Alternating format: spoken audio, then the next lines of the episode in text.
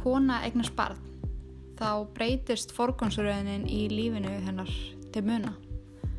Barni verður ósélrátt nummer 1, 2 og 3 og órakla og ójabba í lífinu er eitthvað sem að flestir leggja aðeins til hliðar og sjá ekkert sérstaklega eftir. Allavega þegar ég hugsa um móður og barn þá hugsa ég um órjúvanleg tengsl. Barnið er hverki örugara en í faðmi móðu sinnar sem venda það frá öllu því slæma og kynnir því fyrir öllu því góða. En hvað ef að þessi staða breytist? Hvað ef að mamman fyrir að sakna lífsins áður en hún eignaðist barn? Sakna þess það mikið að það eina sem kemst að er að vilja barnið í burtu. Barnið fyrir að verða ábyrð sem móðurinn kæri sig um. Það er erfitt að hugsa út í það en það eru til mæður þarna úti sem ættu ekki að vera blessaðar með börnum.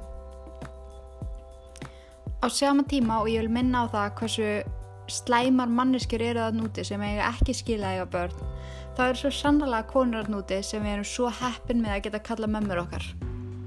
Í dag er maðuradagurinn og ég vil óska öllum maðurum innilega til hamingi með daginn. Þeir eru undislegar, þeir eru hetjur og eigið allt gott skilið.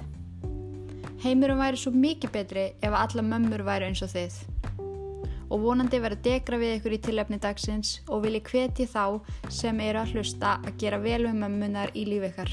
Kaupa andaðum blóm, knúsaðir og hrósaðum fyrir ótrúlega vel unni störf og þakkaðum fyrir allt sem þær hafa gert. Komið sæl og gleðilegan sunnudag og mömmudag. Uh, þið eru að hlusta á Sakamála podcastið Ílverk podcasti sem sanna það að það eru skrimsli á meðalvor oft nær okkur en við höldum. En eins og þið kannski eru farin að vita þá heiti ég Inga Kristjáns og er þáttastjórnandin ekkar og þið því miður situ uppi með mig einu sinu vikum. en ég verða að koma inn á að svolítið fynda um daginn þá fór ég að googlaði hvernig maður gæti orðið betri host veist, í útvarpi eða podcasti eða bara ykkur þar sem röttimanns heyrist bara og það er talað um að væri mikilvægast að tala skýrt auðvitað, að búa yfir góðu og fáuðu málfari og geta sleið á leta strengi á þess að það sé óveðandi eða kjánlegt og, og síðast en ekki síst vera með þægla rött með fallegum uh, blæbregðum og þegar ég fór yfir að lista var ég fyrir eitthvað shit, ég, ekki, ég, veist, ég bý ekki yfir neinum af þessum kostum bókstala sko ég er náttúrulega lesblind með málheldu og innilega kaltennislegan húmor sem að skilst alls ekki alltaf og aukast að vera með rödd sem að ég kann ekki alltaf að beita og ég er oft bara eins og drengur í mútum. En ég má þó eiga það ég bý yfir ágættis orðaforða þar sem að bestu vini mínir þegar ég var yngri voru, voru aðlar sem voru yfir sjötugt og ég læriði alveg hellinga á þeim svona ángríns ég byrjaði náttúrulega að læra ennsku fyrir en ég var tíur á því að ég bjóð í sveit og við varum bara tværi bekk og það var ekkert verið að eigða peningi að vera með einhvern ennsku kennara og akkur ætti maður að læra ennsku skilur þegar maður býð bara upp í sveit. Og ég geti mögulega verið aðeins að íkja en ah, en mín fyrst, fyrsta setning var sem ég lærði, svona heila setning var ég ætla að laurunga litla bróðu minn þvert yfir moldabiði sem ég myndi segja að væri svona frekar há, háfleg lína fyrir ungt bann svo að það er kannski eitthvað sem að vinna með mér. En það sem ég, ég held að skýni samt mest í gegn og það sem mögulega skiptir mestu máli að þegar maður er með podcast er að ég er svo sjúklega gaman að þessu. Ég elska að búa til þætti fyrir ykkur og er alltaf að hugsa hvernig ég get gert þetta sem skemmtilegast og áhugaverðast fyrir ykkur og ég hef trilltan áhuga á málefnunum sem að sem að ég tala um og ég er náttúrulega bara í skíunum hvað þau eru ánum með þennan podcast átt líka sem segir manna það að þótt að það séu til stöðlu skilirði fyrir alls konar dót sem maður uh, sem maður verður að búa yfir til að geta gert eitthvað er bara bull. Ástriða, áhugi og þróska kemur manni helviti langt og ég vil nýta tækifærið og segja ykkur að þið geti allt sem þið móða fokking ætla ykkur. Hvort þið ætla að búið til podcast opna strippulu eða byrja að hekla þá getið það. Ég hef allavega fulla trú á okkur En mál dagsins er eitt það umtalaðasta 21. aldarinnar. Uh, ég var pínur hrætt að taka það mál ákvaða að gera það er ógeðslega áhugavert og umfjöllunin um þetta mál má líka við O.J. Simpson máli, það, það er stórt. En árið 2008 var Casey Anthony hataðasta kona í bandaríkjanum eftir að dóttir hennar Kaylee Marie Anthony tveggjara hvarf sporlaust þann 16. júni 2008.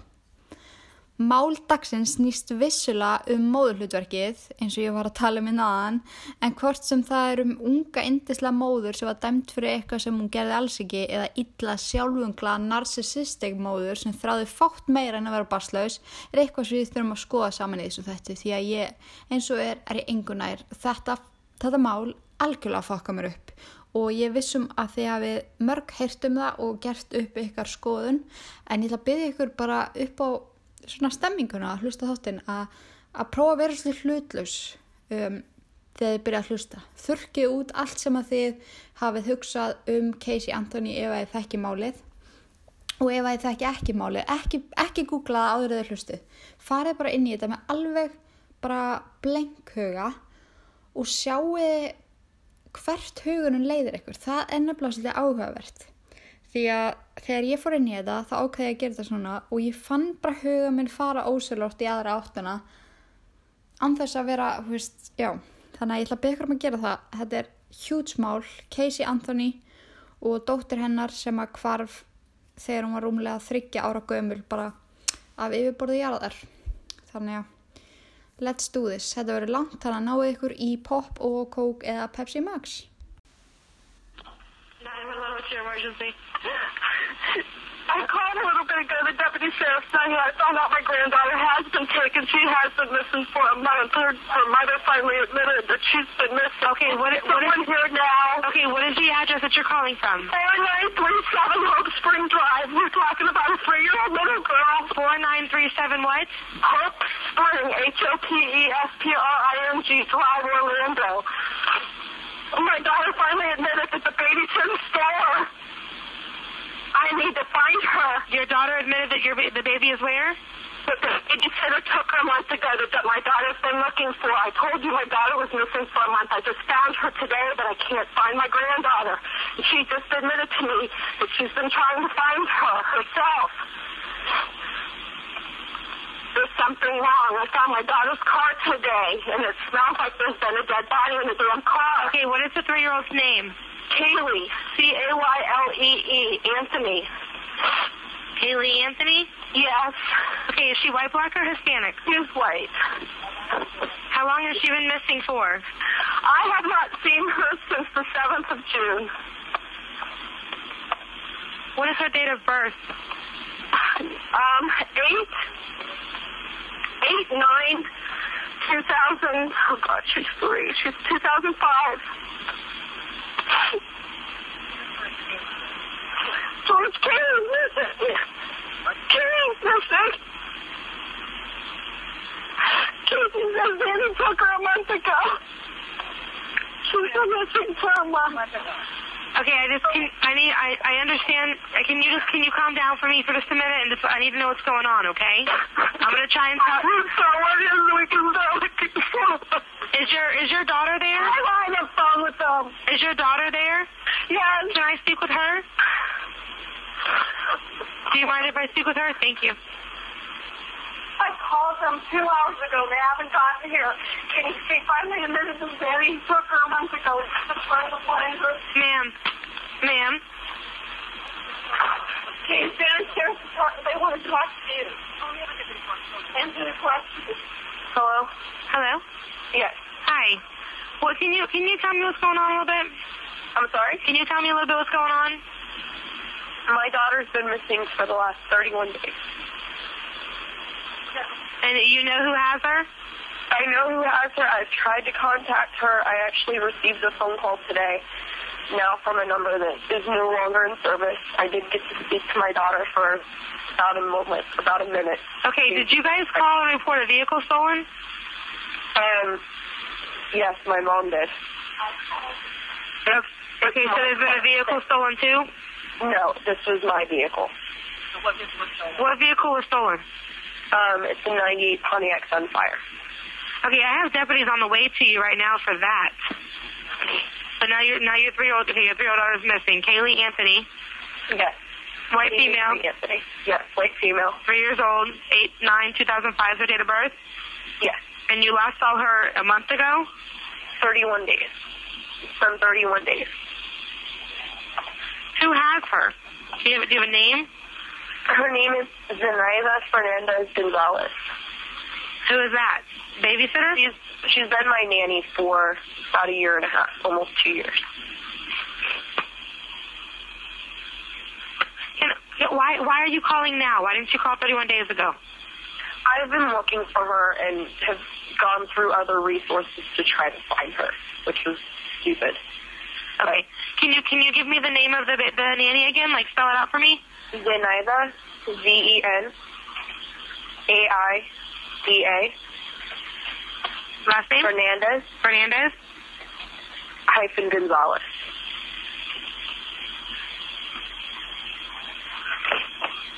I think the officers are here. The officers are there. Yes. Okay, hold on a second. Don't hang up with me yet. I need you. Okay.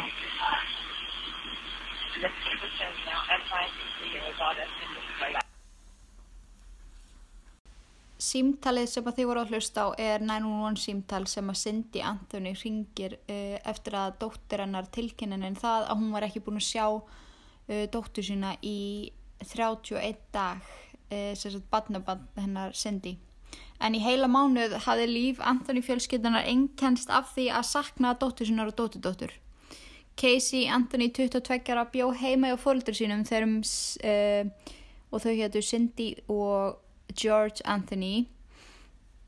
Hún átti líka eldri bróður sem hétt Lee en hann bjó ekki hjá þeim og var ekkert í það miklu sambandi við þau. En hún bjó þar á samt Kaylee Maria Anthony sem er dótturinnar og hún var alveg að vera þryggjara Casey var ekki alveg viss um faðerni dóttur sinnar svo hún ákvað á meðgöngu að það væri eitthvað sem að hún ætlaði bara að tækla sjálf henni var líst sem indisleiri móður hún gerði allt fyrir dóttur sinna Kaylee var með ótrúlega góðan orðaforða með að við svona ung barn, hún var nittin og brósmöld og átti það til að vera algjördýfa. Casey passaði upp á að hún væri alltaf vel til fara, vel greitt, snirtileg og það datt engum í hug að hún ætti einhver þátti því að dótturina væri horfin. Enda þvert hún tók hún sjálf fyrir það. En þrátt fyrir það að fólk vildi auðvitað trúa henni um, að hún ætti ekkert með hvar dóttur sinna að gera þá var bara rosalega margt svona hálf skrítið þegar hortu tilbaka á þetta mál. Þessi mánuður sem Kaylee var tínt þá enkendur símtöl við Casey af því að barnfóstran hennar væri með Kaylee í strandferð, hún hafi farið með henni í útilegu og barni var alltaf ykkur staðar með ykkur um öðrum þegar það var spurt út í hana. En já, hún hérna hjælti sérst fram að hún væri með barnapíu og sínum snærum og og dóttir hennar var mjög mikið hjá henni. Þannig að alltaf þegar uh, Cindy ringir og segir má ég tala við Kaylee? þá var hann bara nei, Kaylee er úti núna með henni með barnapíðinu sinni, nei hún er að gista. Veist, nei hún getur ekki komið af því að hún er að gera þetta. Þannig að veist, í heilan mánuð þá voru öll símtöl svona. Þetta voru alltaf ykkur afsaganir og þau, þau gáttu aldrei fengið að sjá henni myndir eða hitt hann yfir höfu og eins og ég segja, það var alltaf eitthvað. En á þessu tímabili þá komu útrúlega mikið myndum á Facebook og MySpace að Casey vera bara að skemta sig með vinnu sínum á djamminu hér og þar, dansandi på borðum og hafa gaman. Og þessa myndir þurrkuðu þetta út allan grunn um, uh, um að eitthvað væri að því að áhyggjufull móður sem að hafi alltaf verið svona góði dóttir svona væri aldrei á djamminu eða væri eitthvað að barnin hennar eða það væri tínt þannig að veist, það var enginn þannig sé að spá í þessu. Svo þegar fólk sá þessa myndir þá eitti það út öllum áhugjum þá sérstaklega áhugjur hjá fóldramennar. Ef hún var að skemmta sér vel þá var greinlega bara barnið hennar í passun eða eitthvað svo leiðis. En þegar Casey skila sér loksins tilbaka eftir mánuð af fjárveru og djammi og alls konar og ferðalögum og eitthvað og er ekki með dóttu sína í för með sér þá verður fóreldrum hennar mjög órótt eins og þið heyrðið í síntalunni en aðan. Casey gefur ekkert svar, hún muldra bara eitthvað þegar mamma spyr hvar Kaylee sé sem gerir hana ótrúlega reyða og ágjufulla og þegar Casey segir svo loksins að hún haldi að dóttur sinni hafi verið rænt þá ringir hún og byrður um að, uh, aðstóð yfirvalda. En þessi símtöl, um, Já, þessi símtöl hérna, eða símtali síndi hérna fyrir ofan, hún var sérst búin að ringja tvö áður, áður en hún ringi þetta hún er náttúrulega bara mjög desperate og hrætt í þessu. En hún hafði sérst ringt fyrst að, að því að það hefði verið rænt bílnum sem að dóttir hennar hérna var með í láni frá þeim. Þú veist, þau sköfðu henni bíl og það var búið að stela þessum bíl.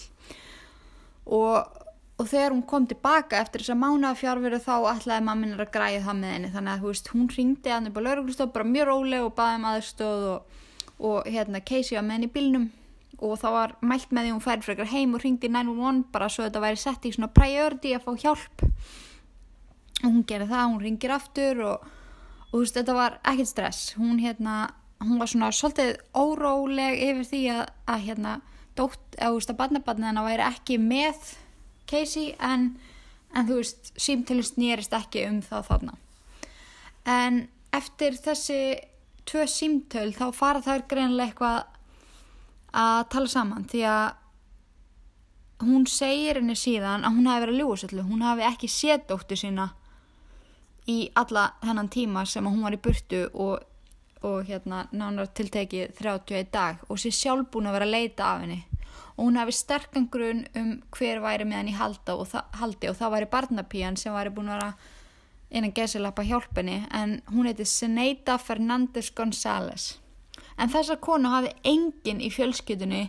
Nokkuð tímann heyrt um eða hitt eða eitthvað svo leis eða bara heyrt minnst á hana áður en þessi mánuður rann í garð og, og, hún, og segir Casey að hún hafi átt að vera að passa dóttur hennar í hátt í tvö ár. Uh, en Casey held í fram að hún var ekki búin að sjá dóttur sinni í 31 dag og henni hafi verið reyntað þessu konu og hún sé alveg viss um það. En á meðan þið heyrið líf ömmunar algjörlega brotna niður í þessu símtali þegar hún heyrir sannleikan og þarf að ringja og tilkynna þetta að þetta hafi allt verið lígi og Keili hafi verið tínd og enginn hafi séð hann í svona langan tíma þá finnst manni pínu undarlegt hvað Casey er alveg sultur slök í síman. Hún er, það er bara eins og hún sé að segja frá ykkur mjög basic. Það sem grýpur aðtekli þeirra sem rannsökuðu málið er að þið heyrið í þriða símtalinu að syndir í algjörði geðhæringu að hún hefði fundið þessu ógíslega lykt í bíl dóttur sinnar þegar hann komst við leitinnar eins og það hefði verið líka þenni og akkurru ætli hún hafi notað þetta orðalag í geðhæringu sinni?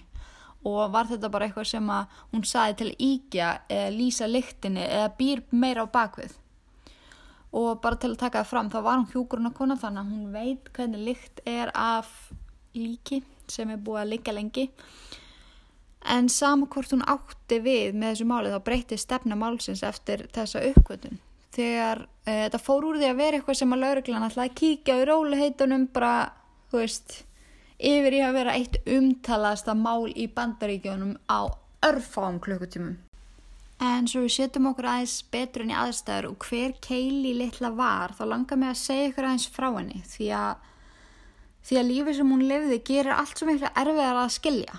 En Keili Marie Anthony var fætt það 9. ágúst 2005 sem gera hana næstu í þryggja ára þegar hún hverf. Og henni var alltaf líst sem lítilli dífu. Hún var alltaf með reysastór sólgleru og, og sagði mjög oft við fólk hey dudes sem er mjög grútlegt. Hún var með síttakt hár, brún, stór augu og ótrúlega bara fallegt barn. Og hún bjó ásand móðu sinni Casey sem var fætt þann 19. mars 1986 sem ger hana 22 ára þegar barnið hennar kvarf heima hjá uh, du, du, du, já, og þau, þær byggur sérst heima hjá fóreldrum Casey George og Cindy og þau gerðu allt fyrir það tvær. Kaylee fekk sér eitt eigið herbyggi í húsinu sem var fullt af dóti og fallum fötum og lesefni sem var lesið fyrir hann okkur einsta kvöldi áður en hún fór að sofa og hún var svo innilega ljósi í lífinu hjá ömmu sinu og afa og lífið þeirra var bara svolítið sniðið að henni. Þau voru svona farin að vinna eins minna og eitt alveg ótrúlega miklum tíma með barnabarninu sínu. Þau voru með sundlegu garðinu sem var sett upp sérstaklega fyrir Keili því að þeim langaði að hún lærði að synda og vera óhrætt við vatnið og sundlegin var notuð daglega og bara var mjög elskuð að hafa hana, hafa hana hann í bakgarðinum og átti fjölskyttan margar ótrúlega góðar stundi við sundlega bakan. Kaylee var eins og ég sagði ykkur fyrir í þættinu með ótrúlega góðan orðaforða með við svona ungt barn og alltaf vel til fara og vel greitt og alveg greinlega barn sem var hugsa ótrúlega vel um og hugsa líka kannski bara svona svolítið ekstra um og allir elsku hana ótrúlega mikið og mömmuna var hrósa á öllum í kringum hana fyrir að hafa díla svona fagmannlega við það að vera einstað móðir. Um, hún letaði einhvern veginn ekki á sig fá og syndi fóröldra hlutverkinu með ást og umhyggju og ótrúlega miklum þroska með við það að hún var bara 22 ára. Og já, hún var 22 ára þegar hún var þú veist 30 ára þannig að hún hefur verið 19 ára þegar hún egnaði spartnum þessi mánu var því algjör skellur fyrir alla. Það var ótrúlega ólíkt Casey að fara svona og djamma bara og láta ekkert sjá sig í mánu og það er aldrei liðið svona langu tími frá því að Cindy og George sáu barnabarni sitt. Svo þetta tók þannig ótrúlega skarpa beigju og enginn skildi hvað var í gangi og hvar Kaylee litla væri. Þau hefðu aldrei hitt þessa barnapíu sem átti að vera með hana í öllum þessum ferðalögum og átti svo endanum að hafa rænt henni og farið með hann einhvert um svo maður skilur svo, veist, maður skilur alveg að lífið er að brotnaði niður í þúsund móla þegar Casey tilkendi það að hún hafi ekki séð hana í mánuð og veit ekki hvað hún var sér niður komin og hún var ekki búin að nefna þetta við þær nei við fjölskyldun sinni í 31 dag. Og það er það sem gerir þetta strax svo ógæðislega skrítið. Hún segir að síðasti dagurinn sem hún hafi síðana hafi verið þegar að barnapíjan tók hana og ætlaði að vera með hann yfir nótt og í 31 dag þá sá hún hann ekki, hún reyndi sjálfa leita en hún let engan vita, hún bjóð til alls konar afsökunir, hún sást á djamminu, hún var að gera alls konar hluti en samt viss hún að barnið sitt væri tínt. Þannig að það er mjög magnað og það er það sem að geri fólk svo ótrúlega reitt. En skýrslan sem að Casey veiti lauruglu hlukan 1 um nóttina aðfara nótt 16. júli vekur upp hjá mörgum mjög undalega tilfinningu. En spáði í því að í 31 dag var dótturinn að tínd og flestar mæður myndu líklega að skrifa langt statement um allt sem hefði farið fram frá því að barnið tíndist. Bara, hú veist, margt fyrir hvern dag bara til að reyna að gera leitina og bara að finna hana auðveldra en skýslan hennar var þrjá, þrjár og halvblaðsja sem hún fyllir út og þar talar hún bæði um sko, hún talar á sett og hvað um disappearance og abduction í sömu skýslunni og yfirleitt er það algjörlega hefust sikkur hlutunum. Hluturinn já. Uh, já og í þessu tilfelli þá var þetta algjörlega sikkur hluturinn. Hálfblaðsja þessum þrem er um hvarfið sjálft og dótturinnar og upplýsingar um hana en svo er heil mjög dítilegur blaðsíða um barnapíuna sem á að hafa tekið hana, hvað hún er gömul, hvað hún sé og, og Casey veitir bara mjög ítalar upplýsingar um hvernig hún lítur út og það er mjög auðvelt fyrir hérna svona sketsartist að skissa hann upp nákvæmlega eftir hennar höfði í rauninni. Og margir horfðu á það sem uppspuna, þú veist, hún hafi fengið svo mikinn tíma til að búa til þess að mannesku huganum, búa til söguna og bakvið hvað er gest og aðrir halda að henni finnist mikilvægt að lauruglan fái goða lýsingar af manneskinu sem hún held að þið tekið dóttir sinna, það er alveg að horfa á þetta báða vegu, auðvitað vill hún að ef hún heldur eitthvað tókana, auðvitað vill hún að lauruglan fái góða skýringu þannig að þau geti leitað henni En sér frá því þá var þessi skýrsla mjög skrítin, áherslunar voru ótrúlega skrítnar, orðaforðin var ofta á tíðu mjög undalegur. Hún segir einu sinni, einu sinni í skýrslunni fullt nafna dóttur sinni en í öll hins skiptin í þessi 700, í þessari 700 ára skýrsla og segir hún 15 sunnum my daughter í svona mjög undalegum setningum, fattiði mig. Maður segir yfirlega bara Kaylee eða nickname en hún var alltaf bara yeah, she is my daughter veist. Þið verða eða bara að fá að lesa þetta bref en það er, þið getið googlað og lesa á netinu. Og ég mæli með því að lesa það þegar þið eru búin að skoða mál af því að ef að þið eru ég obsessed á svona dóti og ég þá munið þið fara og sökka honni mjög djúpa hólu með að skoða þetta mál því að það er, það er virkilega mikið uh, af alls konar gognum að núti þar sem þetta er eitt umtalaðasta mál bara ever. En Já, hún segist hafa leita sjálf af henni út um allt í, í allan enn tíma á veitingastöðum og vinsælum börum, hún tekur það actually fram en þú veist, akkur hún að leita af henn á vinsælum börum? En það er eins og hún sé að segja þetta að því að hún sést á börunum að dansa hvort hún sé eitthvað svona hilma yfir sjálfur sér. En og líka bara upplýsingarna sem hún gaf um sig sjálfa, hvað hún hefði verið að gera og fleira, þú veist, hún var ekki í skóla en hún var að vinna í Universal Studios í Florida sem kemur fram í skýslinni og þegar það er búið að skoða skýsluna vel og vandlega daginn eftir er farið yfir all atrið sem mögulega er hægt að nota til að finna út eitthvað meira. Og í fyrsta lagi þurfti að skoða barnapíuna og finna hana og fá að tala við hana og hvað hún var í niður komin og það myndi að sjálfsögðu hjálpa helling við að fá að, að tala við hana. Og í öðru lagi þá, þá vildi e, lauruglan ræða við samstagsfélag Casey og Universal hvort, að, hvort það væri eitthvað sem þau vissu.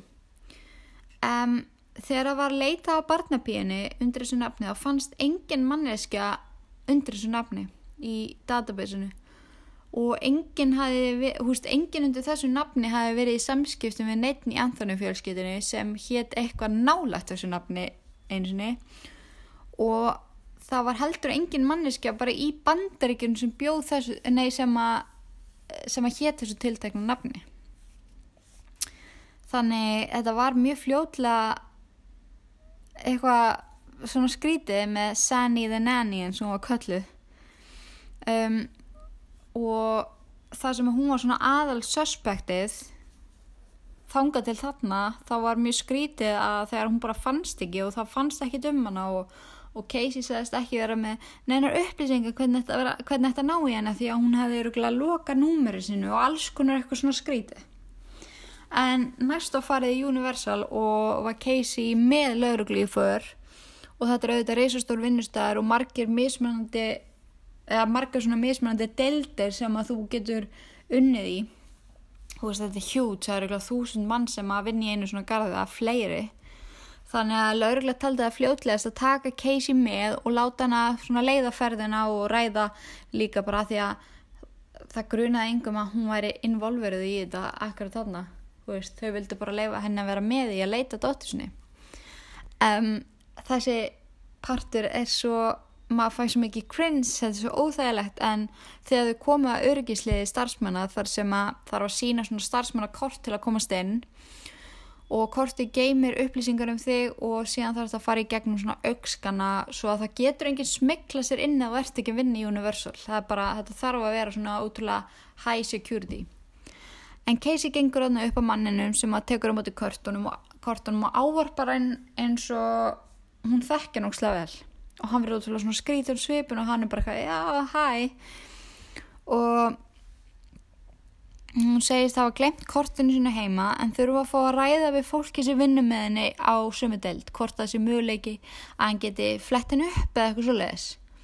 Hann gerir það og segir svo fljóðlega að það sé engin undir nafninu Casey Anthony sem að vinnur þarna. Hún bara, what? Jú, ég vinn hérna vist og ég er búin að gera úslega lengi og, og maður spyr hana bara, já ok, hver er yfirmæðurinn? Og hún segir eitthvað nafn og hann flettur því upp og hann er bara, heyrðu, það er heldur enginn sem heitir þetta sem vinnur hérna. hérna hvað er vinnur svona seriálnúmerið þetta? Hún lesi hann eitthvað tölur og sem koma heldur ekki fram í, í kerfinu hjá hann. Casey er alveg bara what, what og segir bara já þetta hlýtur að vera eitthvað bila og maðurinn hann hleypir eða þú veist þessi maður hleypir þeim fram hjá til að tala við þann sem er yfir svona starfsmenn á málunum til að komast uh, bara uh, kannski bara datt hún út úr kerfinu eða eitthvað svoleiðis hann var að spáði þetta væri eitthvað skrítið en til að komast upp á skrifstöðuna þarfstu að lappa langa ganga og upp nokkra hæðir og þú þarfst svolítið að rata til þess að geta farað þarna og Casey gengur undan lauruglunni og spjallar við þá um hvað henni langið að verða enga þjálfari í framtíðinu og hvað þau, hvað sé æðislegt að falli um sömadögum að vinna í Universal og voru, var bara svona tjitt-tjatta við þá. Þegar þau voru búin að ganga í svolítið stund til hægri og vinstri og upp og niður stiga og til hægri og vinstri aftur og aftur eins og hún veitir nákvæmlega hvaða leið það var að fara þá snýrur sér við, setur hendunar í vaksin og segir að ég veit að ég, ég er ekkert að vinna hérna.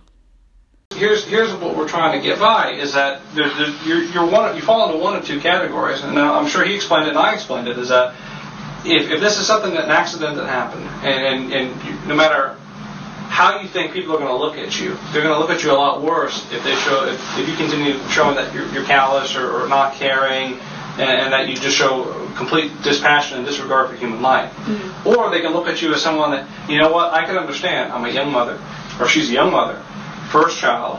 Something horrible happened. She's thinking, oh my God, my life isn't going good right now. I, I already know my life is struggling. People don't see me in that great of a light. I know I have got problems at home. I have got problems with friends. I know I've got problems at work or lack of work. All of a sudden, something bad happens to my child, and people are going to think I'm just a devil. See, there's a difference between this person who makes a mistake and, and says, listen, I'm, I'm, I'm sorry, uh, this is the reason I, I, I lied to you, this is the reason I was scared, compared to the person who might sit here and say, I have no idea what you're talking about. There's a big difference there. And, and I can tell you now that everything you told me is a lie. Everything that you've told me this morning from, from, from Zenny, from the addresses, from Universal, from all these people that you've talked to, including people that you never told me who their names, and I found them and talked to them. Mm-hmm. You know, everything that you've told me this morning is a lie. Every single thing. There- There's one of two options right now. You need to tell me the truth, and we can work with that. Or if you continue down this path and continue lying, I can tell you that when this, this snowball gets at the bottom of the hill, the only person that's going to get hurt in it is you. eins og þið heyrið í klippinu hérna undan en þetta er sem sagt yfirherslan á Casey Anthony þegar lauruglan kemst að því að hún er búin að vera að ljúga um þessa barnapíu og hún er búin að ljúga um að hún hefur verið að vinna í Universal á þessum tímapunkti og allt sem að er búið að koma fram með bara lígi og þetta kemst allt upp þá er hún handtekinn fyrir tjaldniglegt og fyrir það að villa um fyrir lauruglu það er mjög alvarlegt að villa um fyrir fyrir lauruglu og ljúga að henni og láta eigða tíma í eitthvað sem að er bara algjör spull og ástöðuna sem að hún gefur eru algjörlega fáralegar og á þessum tímabundi er ekkert að vinna með henni. Og þegar þetta fyrir að fréttast er mikið af svona virkilega reyðum borgarbúum að því eins og ég sagði ykkur aðan þetta fréttist eins og bara ég veit ekki hvað, þetta var orðið bara svona worldwide á sólaring og það var fólk sem var svo reitt að það vildi ekkert meira heldur en að fá bara Casey strax bak við lás og slá og bara fyrir að hafa drepið dóttir sinna og það var strax komið komnar umræðir um að hún hafi gert þetta og hún hafi síðan losað sig við líkið sem er náttúrulega kannski svolítið langt fram úr rannsókninni sjálfri en það var það sem fólk trúði eða margir allana og þær ágiskunar fóru bara eins og eldur um sinu út um allan heim rannsóknir á málinu fóru þarna á bara svona full force og staðreindunar sem komu upp í kjölfarið skildi fólk eftir gapandi. Það var svo ótrúlega hissa yfir þessu öllu. Í marga mánuði hafði Casey ekki verið í neittni vinnu. Hún hafði ekki, hérna, já, hún hafði áður fyrir unni á fyrirtæki sem tók svona ljósmyndra fólki í Universal, þú veist, eins og þegar þið farið í, í hérna, rússipanna eða eitthvað svona, þá getið, eða taka mynd með Marley Monroe. Ég manni, ég gerði það þegar ég fór í Universal og þá er svona fyrirtæki sem tekur myndir þegar framkalla myndinu, hún var að vinna við þannig og það var ótrúlega langt síðan hún vann þar síðast og bara langt síðan hún hætti samt sem áður þá þá sagðist hún að vera þar og hún vaknaði á mótnana og hafði sér til fyrir vinnuna. Þannig að held, heldur bara að hún var að fara í vinnuna og hún grunaði ekki og þenn grunaði ekki að hún væri bara að gera þetta upp. Og ángriðs ég fæ flashback þegar ég segi þetta því að ég held ég sé búin að segja núna frá tveim málum tveim glæbamennum sem gerðu akkurat þetta. Höfðu sér til á mótnana eins og þau væri að fara í vinnuna og fór svo bara að henga ykkur staðar. Og það er nákvæmlega það sem hún gerði. Hún bara fór út með dóttir sína og fór svo bara að chillaði með vinnu sínum og hafði dóttir sína með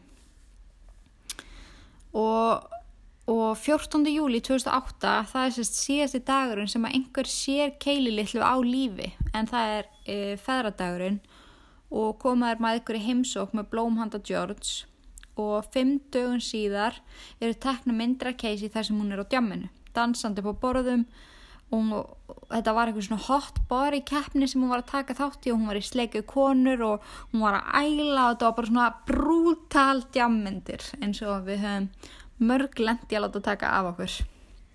En sjö dögum síðar þá postar Casey mynd á Facebook af flúri sem hún fekk sér á herðablaði sem stendur e, á ítölsku held ég að sé Vita Bella eða lífið er fallegt og þarna var hún ekki búin að sjá dóttur sinni í sjö daga. Og þarna átti hún að hafa haldið að barnfóstran væri með hana já með hana en barnsfóstan var ekki til. Þannig að þú veist, ef við hugsaum þetta þannig að Casey, hún vissi alveg hvað kom fyrir dóttur sína. Hún vissi að barnapían væri ekki til þótt hún held því fram. Það er bara, það er ekki til neina sannanir fyrir þessari konu. Hún hefur aldrei komið upp á yfirborðið. Þannig þegar hún var á djamminu þegar hún sér þetta flúr þá viss hún hvað hafi komið fyrir dóttur sína. Við skulum hafa það baka eira en Casey hafi sérst notast við bíl fóreldrar sinna sem var gamall hvítur Pontiac Sunfire. Og því ég var að googla bara við myndir af þessum bíl. Ég hef aldrei séð þessa bílatönd bara sætnúta en þetta var bíl sem þau bara áttu að auka og hún fekk að nota hann eins og hún vildi og hún hefði gert það í marga mánu þann 27. júli þá hættir hún algjörlega að nota bílinn bara svona eittur á bingo. Hún leggur honum fyrir utan heima hjá fóröldur sínum. Nei, nei, nei, fyrir ekki. Hún leggur honum eitthvað staður út í raskati bara lengst sérst nýri bæ eitthvað staðar bak við eitthvað verslunarmiðstöð. Og leggur honum bara þar og tekur svo bara stræt og heim og, og síðan fannst þessi bíl eins og það heyrðið í, í hérna hann hún sérst leta koma þannig út að honum að veri, veri rænt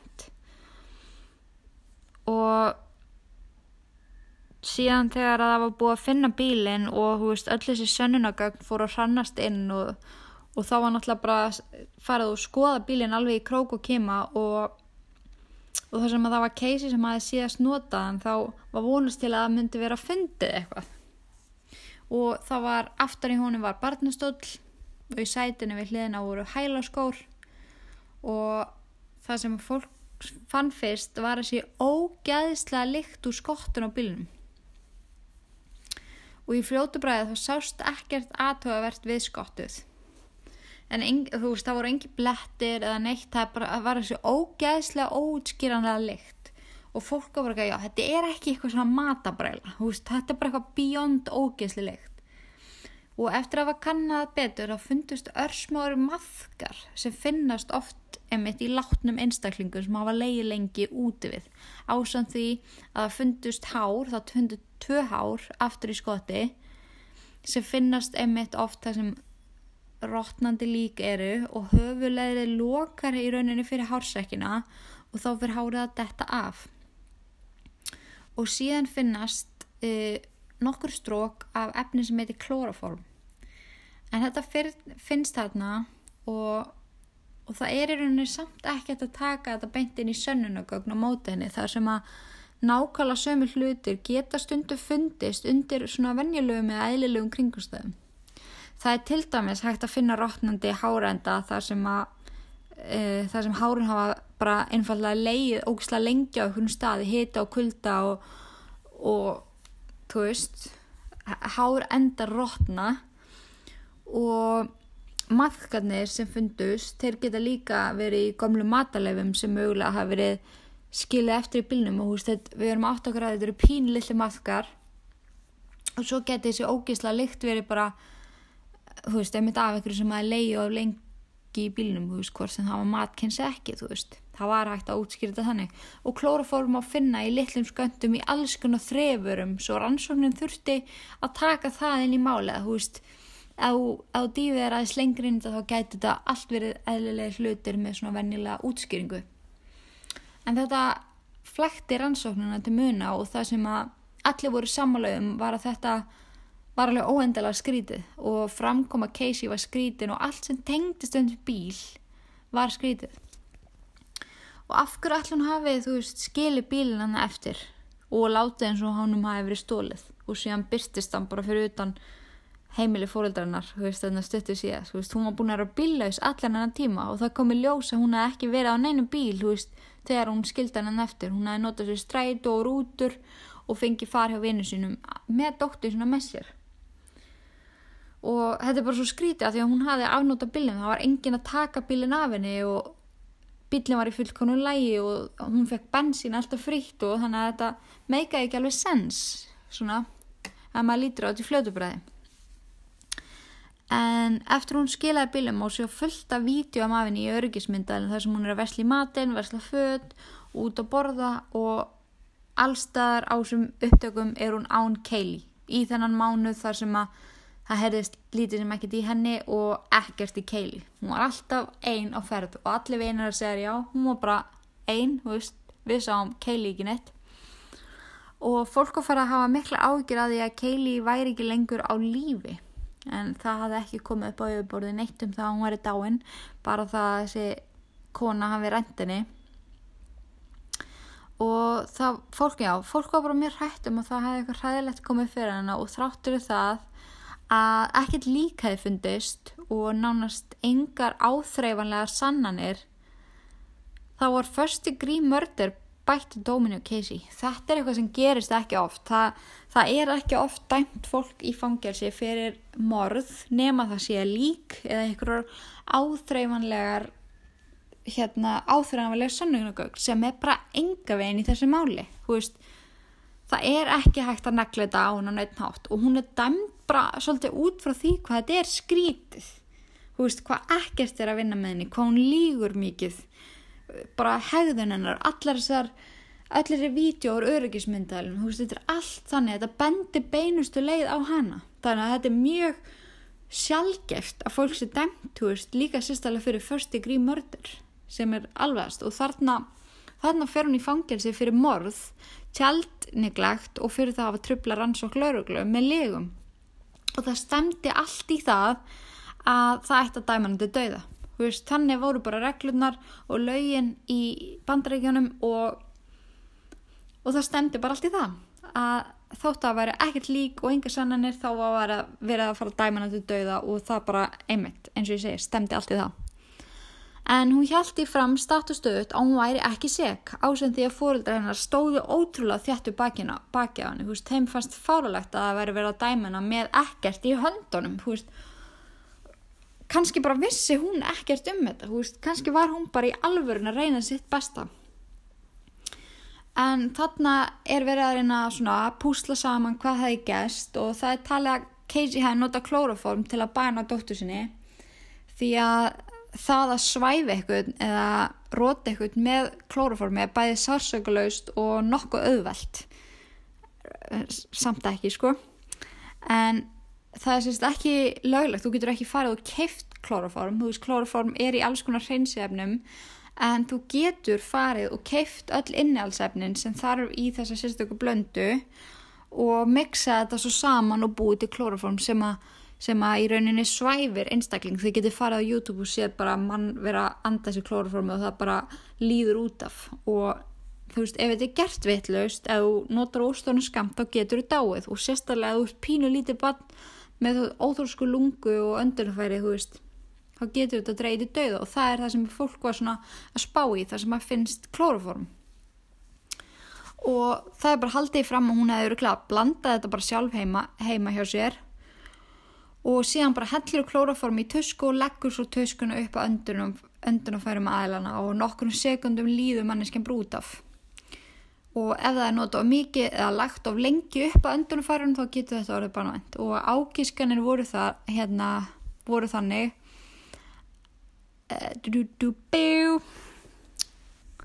nú þarf ég að fara að sækja með gleru. Ég er búin að já ekki verið að lesa svona sent á kvöldin þá erum við svo þreytt í augunum mínum. En já, já þetta eru svona ágískaninar sem komu upp út af þessum litlu ögnum sem fundust í, í skottunum en lauruglu fannst um, líklegt að klóruform hafi notað allavega einhvern hátt. Og nokkrum dögur síðar þegar tölvakeisi var tekinu skoðu fundust mjög undarlega Google-leitir eins og verður oft glæbumönum að falli. En þar var Google-leitin How to make chloroform Home weapon, strangulation broken skull decomp decompensation og allt, þú veist, fullt af einhverjum svona Google searchum sem að maður á alls ekki verið að googla heima á sér í ganni nema maður sé sækó eins og ég sem er alltaf að googla eitthvað svona í ganni ok, moving on en eftir að þessar uppgötanir komið ljós fóruð að vera já, fóruð þetta úr því að vera þú veist ákískanir í að vera eitthvað sem að rannsóknarlauruglu fannst fyrir eitthvað augljóst. Bara, þú veist þessar leitir, þessar slóður sem að fundist í skottinu og þetta bendir allt beinustu leið á Casey, þú veist, það er bara þannig. En lögfræðingu Casey sem að ég segi ykkur betur frá eftir um, fann skrítið og ekki meika sens að drepa litla stelpu með klóraformi. Það er ótrúlega langsótt og það er auðvitað hægt að gera það með einhverjum öðrum hætti sem að þarnast ekki jafn mikils umstangs. En öll sönnunagögg bentu svo sannlega á að þarna var eitthvað hræðilegt að bakveð þessa Google-leitir. Þetta væri ekki bara, ég efast um að hún hafi verið eitthvað svona true crime aðdáðandi að googla hvernig maður, þú veist, í gannisinu. Og já, en núna þurfti bara að sanna það að hún ætti að geta búið þetta til sjálf og þá þurfti að testa það betur því að þótt að þessi sagt já það er auðvelt að búið til klórufram þá er það ekkit endilega einfalt. Og það var fengið mannesku inn á vísendastöfu með enga mentun tengda eðlis og efnafræði og enga þekkingu þegar komaði einhverju svona. Og þú veist að eina sem hún fjekk var bara innihaldsefnin sem þurfti í klórufram og uppskrift sem er í rauninu bara þetta að googla og þessi manneskja átt að reyna að búa þetta til sjálf og allt kom verið ekki þetta var allt og flókið og hún hefði aldrei getað búið þetta til alein og þú veist, manneskina að pröfa ofta mörgusunum þángu til að hún náði þessu og endan náðist, eða veist, hún náði þessu í raunin ekki á endanum. Þannig að þetta áraði þetta tekið inn í sönnugögnun og notaði lögfræðingur Casey þetta í hans ræðu skiljanlega. Það meikar ekki sens að myrða lítið barn með þessu og það er nánast ógerlegt að búið þetta til sjálfur heima og gera þetta rétt ef þú hefur enga þekkingu. Og þetta er bara eitthvað svo að sanna að vísindamönnum þannig að en, og sama á við um óþefin hérna sem kom úr skottinu. Þú veist, það var einhvern veginn hátt hægt að sanna þetta hafi verið líktin af rótnandi líki því að líktin af rótnandi hlutum áður til að vera svipaður í grunninn og sérstaklega manneskjan hefur aldrei fundið líktin af rótnandi líki. Þú veist, vonandi bara eru sem fæstir sem hafa fundið þessu líkt þannig að þú getur alveg rugglaðinni saman við til dæmis líkt að rótnandi dýri eða mat, þú veist, í grunninn er þetta sama lyktin en þeir sem að þekkja lyktinar geta alveg greinilega greintan í, sum, í sundur. En það mammanar hafi sagt í þriða símtalinu sem það heyrði á þann um, að veist, já, að hún hafi fundið þessu lykt. Veist, það er rauninni það sem að leta þessar pælingar fara að stað. Og ef maður spár í því að þá er hún hjógrunumfræðingur og hefur oft, fund, uh, oft þurft að eiga við líki alls konar sta, húst, statusum skilur og hún hefur fundið svona leikt og hún segist takkjana svo hún og svo það guðmur góður muniði því ég var að googla hvernig að vera góð podcastari? Hafa gott flæði í, í röttinni og tala skýrt og svona. Ég var mjög auðvelt með það. Uh, en já það að hún hafi sagt þetta er eitthvað sem þarf að taka alveglega og þú veist og það er eiginlega búið að stróka út að hún hafi sagt þetta bara í heita leiksins eins og var sagt fyrst, þú veist, að hún hafi sagt þetta til að íkja aðstæður, en hún segir það samt, hún bara, já, þú veist, ég var að ég var að íkja og, þú veist, hún, og held, hún heldur í sjálf fram að hún hafi gert þetta til að ná aðtegli lauruglu og emitt en það veit allir á þessum tímabúndi þá er hún bara að reyna að venda dóttur sinna hún er að reyna að draga þetta tilbaka út á því. Og það er alveg 100% þannig. En klóroformi er eitthvað sem var skoðað alveg sérstaklega og komst í ljós að það gæti komið klóroform úr lími sem var notað til að líma teppið í skottinu niður þar sem að það var búið að taka varadekki. Og þannig gæti veist, þessi litla slóð að klóroformi hafi verið. Og leði líka verið að spyrja þú veist af hverju voru hann að googla þetta? Af hverju fundust leifar af þessi skottinu? Veist, hver er tengingin? Þú veist Eina sem þóttu frekar svoleitu voru hárin sem fundist í skottinu sem báru sömu enginu og hár sem hefði dótt úr höfulegri rótnandi líks. En eins og ég sagði ykkur á hann, þá getur það líka gerst að hárin eru bara búin að leikja lengi en þetta var hús sama lengda hári og litur og hárið á keili. Og meðan rannsóknin á þessu einu áþræmanlegu sönnunugögnu voru í fullu gangi var leitina keili orðin risastór og mörg hundru manns leituðu hennar á svæðinu þar sem hún er talin hafa sérst síðast. Hvarf Keili Anthony var umtalað um allan heim og allir báðu fyrir því að hún fyndist heila húfi þótt að í rauninni væri það bara óskækja og það væri lítir sem engin sens að hún væri ennþá lífi svona lítil stelpa veist, sem hefur enga þekking og kunnust á lífið á meðan þetta gekk allt yfir og þá að vera að leita Kaylee þá var Casey bara bakið lás og slá og lögfræðingun hennar var á fullu að reyna að sanna það að allt sem hafi fundist væri eitthvað sem að segði ekkit endilega eitthvað rosalegt. Þannig, þú veist, eins og ég sagði ykkur í áðum þá er bara í lögum út um allt að er ekki hægt að kæra, kæra fyrir mannesku nei, kæra mannesku fyrir manndráp eða það er ekkit lík og engin áþræðanleg sönnunagögn, þetta er bara orð gegn orði í rauninni og hún sat hann í fangils af ástæðin sem var í rauninni ekkert að réttla þetta svona lögfræðingilega séð. En hann var á fullu að reyna að búa til eitthvað skonar uh, ræðu og húst fyrir réttahaldurinn til, réttahaldin til að sannfæra hverð dóm um að hún ætti skila að vera laus manneskja. En viðtöl og svo leiðis og klippur af henni sem að voru tæknir á fangilsinu veist þá fannst öllum hún svo kurteis og svona sjarmennandi kona og fólk átti erfitt með að ímyndi þess að hún hefði gert dóttur sinni megin þá er ég að tala um fólk sem að var að taka henni í svona viðtöl og þannig. En það sem er ótrúlega óþægilegt að spá í núna þegar maður er búin að skoða þetta mál og lesa allt um það þá segir hún nokkur sinum af því að það var alltaf verið að taka hann inn í yfirherslu og bara heyrðu, er eitthvað meira svo manns, þú veist, þú veist ef ég segi þetta, viltu þú segja þetta? Það var alltaf reyna að finna meira og meira út og það var alltaf verið að þrýsta meira og meira á hana. En það sem hún sagði alltaf er að þú veist, tengsl, móður og dóttur eru órjúvanleg og ég finn á er á lífi. Þú veist, ég finn það í hjartanu að hún er einhvern veginn með mér. Og það er alveg ótrúlega óþægilegt svona þegar maður veit allt sem er í gangi í þessu máli. En eftir mjög umfangsmikla eins og hálf eins og hálf mánað leit var hringt inn með ansi hræðilega fréttir. En það var búið að finna það var búið að finna sem sagt líkið af Kelly sem var orðin bara að beinagrind og þóttu það hefur verið hræðilegt og ekki niðurstaðan sem fólk þráði þá var þetta léttir að, að því leiti að það var loksins hægt að leggja hana til kvílu, það var loksins hægt að kveðja hana.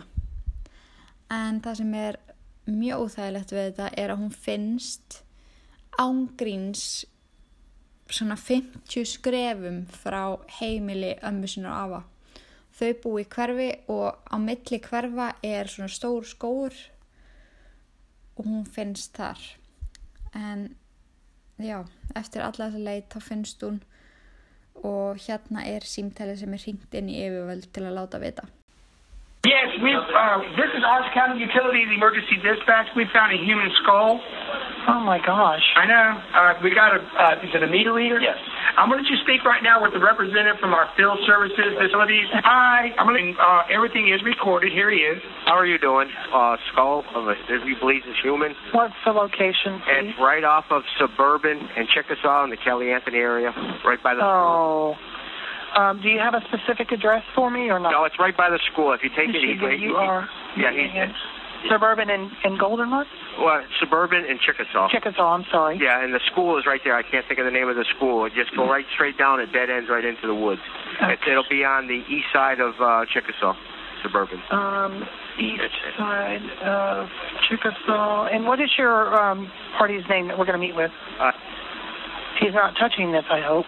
No, I- He's a um, he's a meter reader. meter reader? Yeah, and I'll just tell him to stay at that location and just stay away from everything. Okay. Um, and if you can, try to stress to him to please not draw attention to the area. Okay. And that would be great, just in case it is something. It may be nothing, but just in True. case. Yes. Um, and you're from what department? Uh, utilities customer service. Utilities. And, i- and if you need any uh, information, my phone number is Go ahead and, and send a call up for a deputy to meet with him, okay. and we'll see you there very shortly. What type of vehicle is he going to be in? Uh, probably a uh, Colorado, uh, small Colorado white. It'll White. have Orange County. It'll have Orange County insignia on it. Okay, white um, Colorado Chevy truck Colorado. Yes.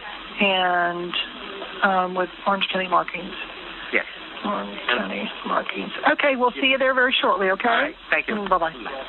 Burt séð frá því hvað var ótrúlega mikið sjokk að þessi líkfundur hafi átt sér stað uh, þá var eitt annað sem að var ennþá meira sjokk en það komst í ljós setna meir að það var búið að tilkynna þennan líkfund uh, tvisasunum áður en það var gert eitthvað í þessu og eins og ég sagði ykkur áðan þá var, þá var hún fundin mjög nálagt heimilinu sinu en það var maður sem stoppaði bíli sinn þannig nokkrum mánuðum áður bara til að fara út að pissa og hann lappaði aðeins hann út fyrir veginn og kom þar auga á plastboka hann gekk á honum og tók upp prigg og potaði svona í plastbokan og þá kom eitthvað svona skríti hljóð eins og hann væri að berja í eitthvað holt.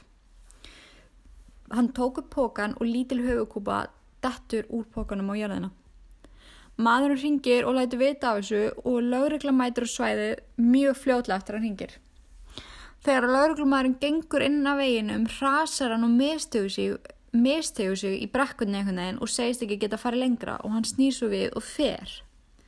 Maðurinn sem fann högkúpuna vissi ekki alveg hvað hann átt að gera og fór bara sjálfur líka og gatt hann vissi ekki hvort að þeir ætluði bara að fara að tjekka á þessu setna eða eitthvað en hann gati auðvitað ekki hægt að hugsa um þetta og let vita stuttu setna aftur. Og það varði eitthvað neginn ekkert úr því og það var, ekki, það var eins og fólk væri ekki á neitt hátt að leita af beinagrinda litlu barni, það var engin að leita af líki. Veist, fólk var einhvern veginn bara með það fast í, veist, í hausnum að þau myndi bara finna litla stelpu sem var bara í góðu standi og, veist, og beinagrind var bara eitthvað sem enginn var að spá í og það liði því tveir mánuður þar til að hún fannst af þeim sem að voru að leita í svona stóra leitarhóp á þessu afskefta svæði sem við verðum að leita á.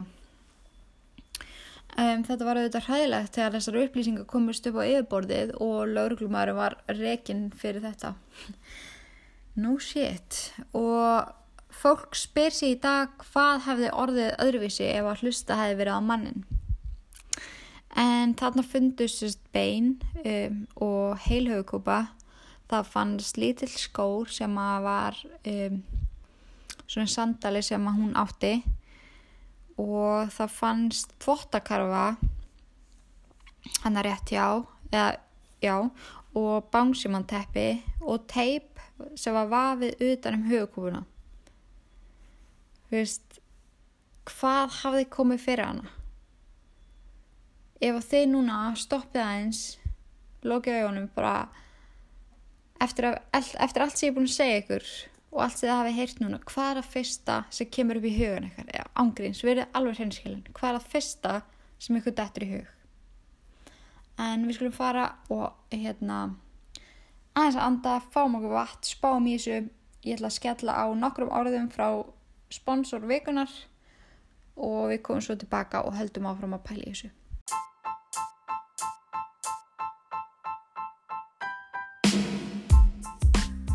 Sponsor þáttarins þessa veikuna er leanbody.is Æ, hann ennir enginn að hlusta auðlýsingar.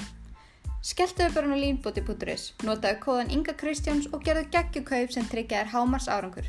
Leanbody, þín markmið, þín grein. Uh, velkomin tilbaka og ég vona að þið hafið nýtt þessa pásu um eitt ég að fara inn á leanbody.is og gera frábær kaup með kóðanum Inga Kristjáns fyrir 15% afslátt af öllu siðu veslið. Þið getið einnig farið og fundið yngupakkan sem inniheldur þrára mínum uppáhalsverum á sérstöku tilbúði. Þess að ykkur sé að spá í fæðubóta efnum akkurat núna. Það er allir bara what happened. En allavega kikið inn á línbóti við tækifæri. Um, svo höldum aðeins áfram með málið. Þá ætla ég að spyrja ykkur núna hvernig ykkur líður þegar ég segja ykkur að herbyggjanar Keili hafi verið með Bánsimón þema? Eða þegar ég segja ykkur að þvottakarfan sem fannst uh, var seld í svona tópakk í búðinni rétt hjá heimilegra og það fannst nákvæmlega eins karfa heima á þeim. Þannig að það er ekki annað hægt en að leifa sér í huganum að reyk að leifa, hvað er ég að segja? Þannig að það er ekki annað hægt heldur en að leifa hugunum að þess að reyka um að hún hafi verið myrt heima á sér. En þar sem að það var komið líki leitina það var hægt að halda áfram með málið alveg full force og finna réttlendi fyrir keili litlu og komast til sannleikanum þegar að koma Casey. Ef hún gerði þetta af hverju gerði, gerði hún þetta þá? Veist, það er spurningin En 5. júli 2011 þá byrjuðu réttavaldin og þegar þau byrjuðu voru flestir á þeirri skoðun að hún væri seg og þetta var bara eitthvað sem að þú veist það kom ekkert annað til greina. Það kom engin annar til greina. Og allt og þú veist öll gögn, öll sönnagögn og allt vann gegn henni Casey. Og þú veist alla sögurnar sem fóru að koma upp líka þú veist hjálpuðu henni ekkert Vinkona hennar steg fram og sagði frá því að þegar Casey var óleitt hafi hún talað um að hún vildi setja Kaylee í ætlaðingu en mamma hennar hafi ekki leftin það. Hún hafi ekki verið tilbúin, uh, já hún hafi ekki verið tilbúin þessum tímum að eiga barn en það bara 19 ára en mamma hennar hafi verið bara jú þú veist þetta er bara ábyrg sem þú þarfst að taka. Og kona sem að satt inni með henni á meðan hún beðið eftir réttahaldum sagði frá því að Casey hefði viðurkjönd að hún hafi gert þetta í fangilsunum og fólki fannst alveg magna að lögfræðingu Casey hafi yfir höfu tekið þetta mál að sér. Veist, hvernig ósköpunum ætlaði hann að gera þetta? Veist, hvernig ætlaði hann að afsaka alla legarnar hjá kúnanu sínum? En þrátt fyrir allt þetta að þegar lögfræðingu Casey Anthony byrjaði að tala þá vægarsagt misti fólk andan það sem hann hafði að segja já kom fólki verulega á óvart. How in the world can a mother wait 30 days before ever reporting her child missing? It's insane. It's bizarre. Something's just not right about that. Well, the answer is actually relatively simple. She never was missing. Kaylee Anthony died on June 16, 2008 when she drowned in her family's swimming pool. You're going to hear that Kaylee loved to swim, and Kaylee could get out of the house very easily and did so on that day. We hear about it every day, or once a week, or, or once every other week. We hear of a story on the news, or we'll see a little blurb on the newspaper about some poor child who accidentally drowned in the family swimming pool. Well, the reason we're all here is because not of the commonality of this tragedy. No, that's far too, unfortunately, it's far too common. In fact, in the state of Florida, it is the number one way that children die is drowning in swimming pools. But what makes this case different, what makes it unique, what makes the reason we're all standing here today is because not of the commonality, but of the uniqueness of the family that it happened to. You will hear s- stories about a family that is incredibly dysfunctional. You will hear about ugly things, secret things, things that people don't speak about, things that Casey never spoke about.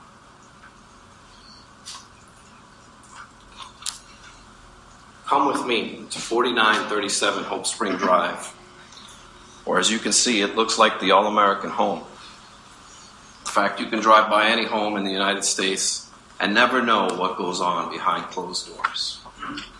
You never know what secrets lie within. You never know what's going on.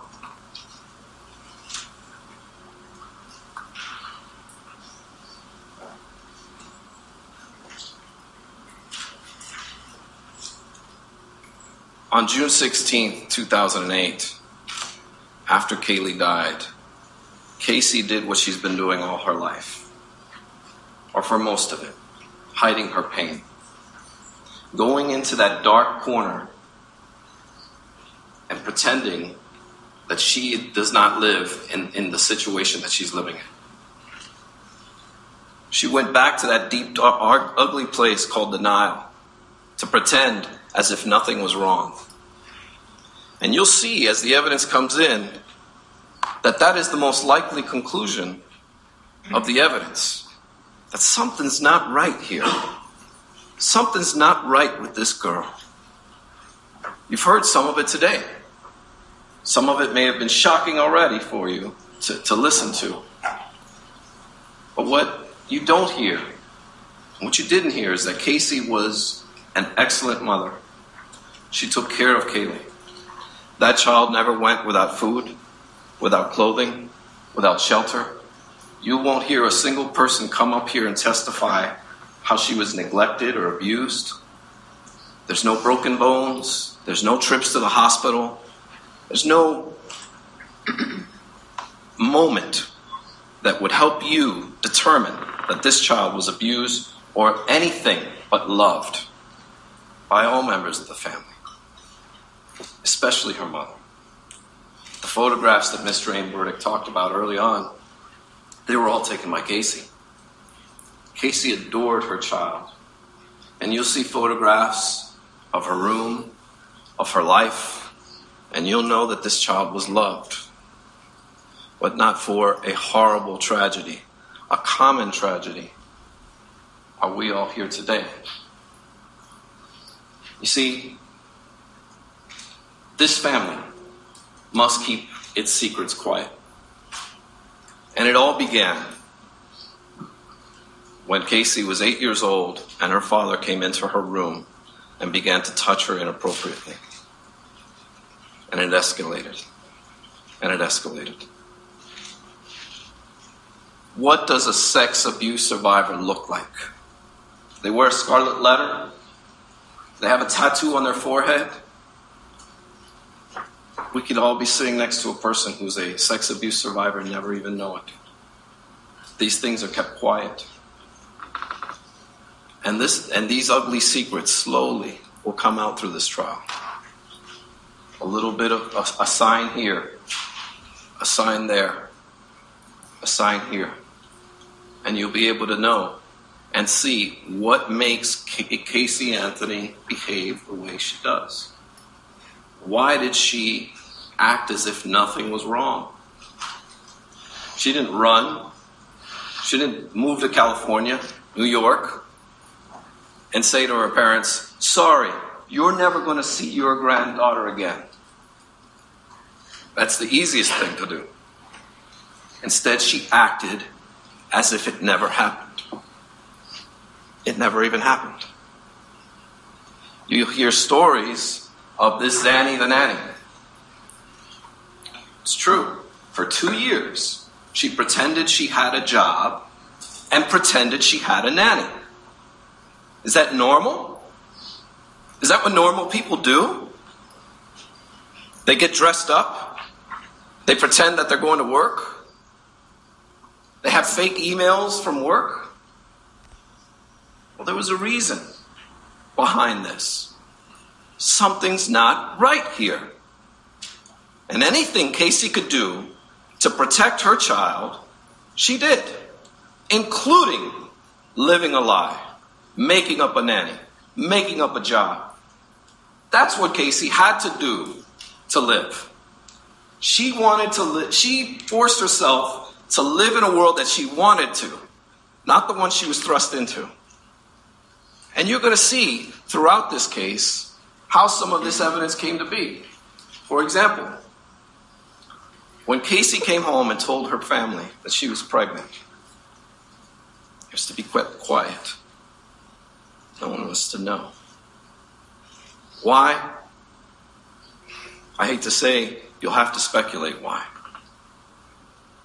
Unfortunately, because of the way this case was investigated, we'll never know all the answers.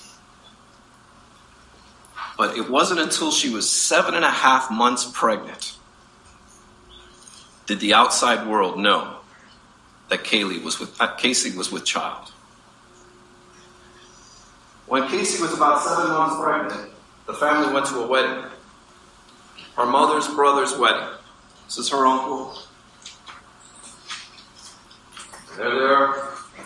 That's their wedding photo in June. Kaylee was born in August. This is Casey, seven months pregnant.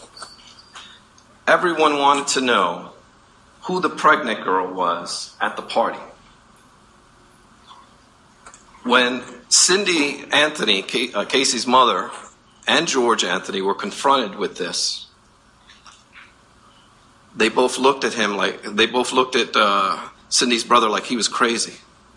They denied. They, Cindy, who is a registered nurse, said, oh no, she's just retaining water. You'll hear other stories, well, oh, she just had a tumor. She was pregnant. There's no denying this. This is a pregnant girl. But yet the entire family wanted to keep it quiet. Why? They hid this child, this beautiful child, in life. You can best believe that they would hide her death. Now, another thing you'll hear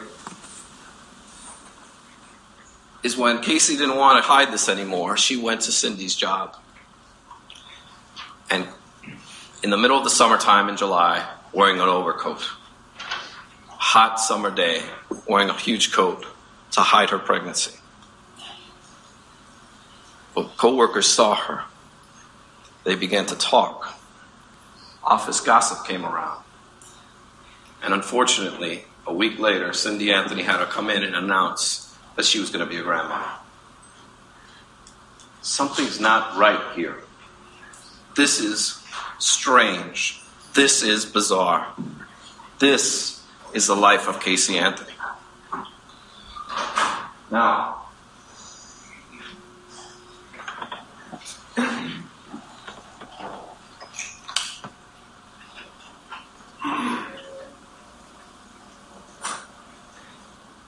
as this case was being investigated, this all came to light.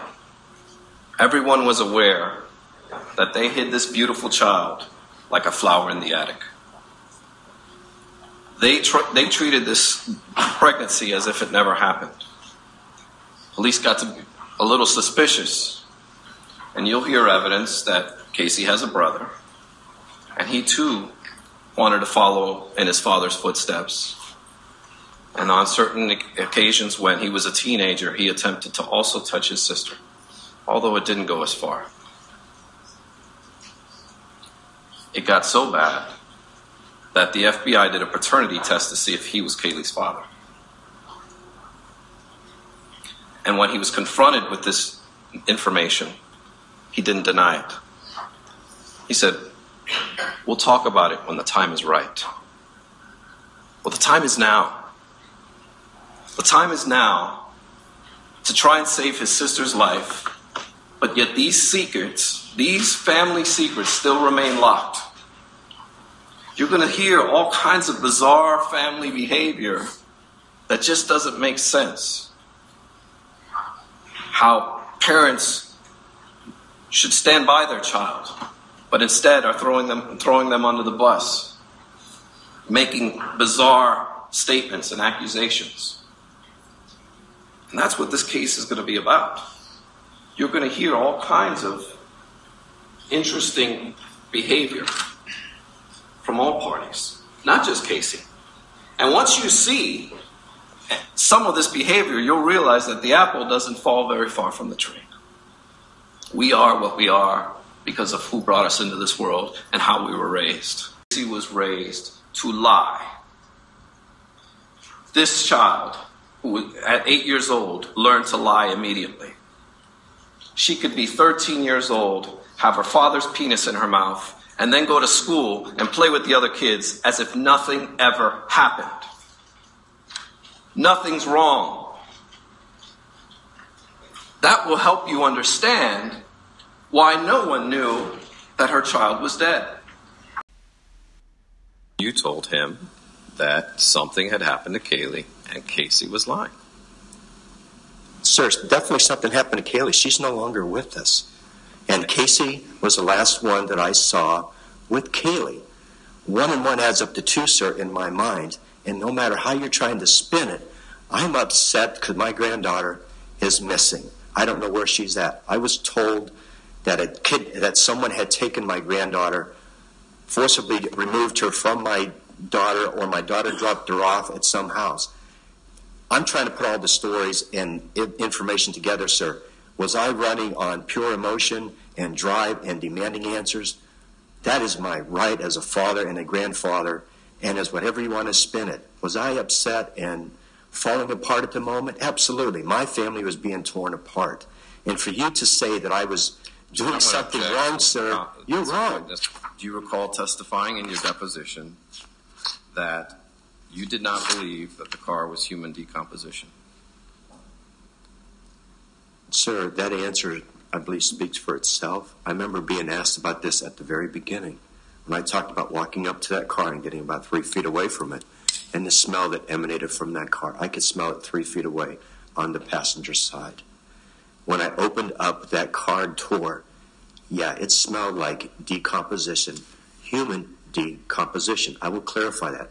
I didn't say that exactly at that deposition, at that particular point, that's because, again, sir, you have to, when you relive stuff over and over again that is traumatic in your life, you try to give the most complete answer that you can. Was it decomposition to me? Yes.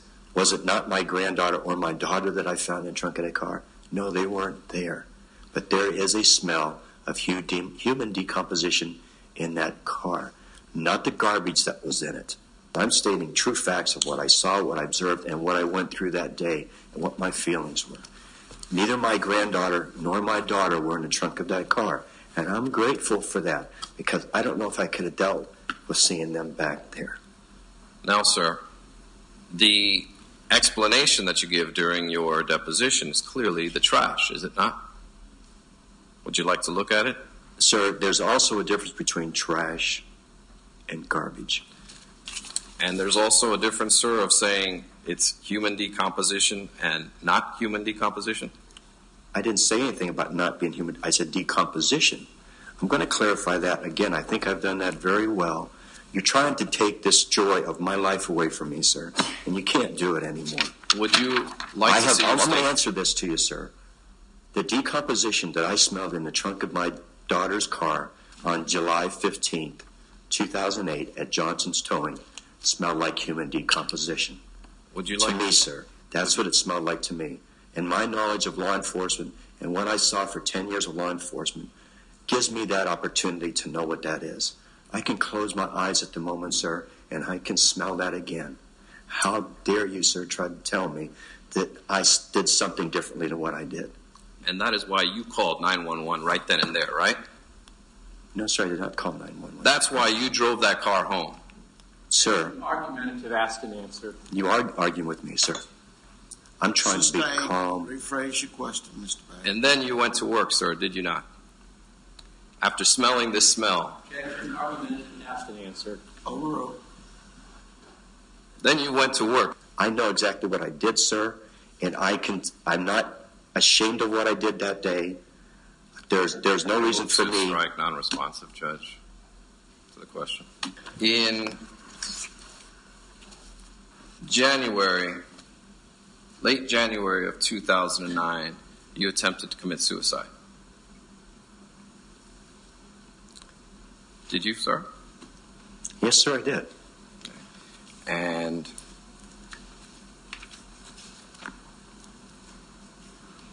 you even left a suicide note. Yes, sir, I did. and you expressed some guilt. Do you recall uh, being on 48 hours? Yes, sir. And do you recall being paid $20,000 for that appearance?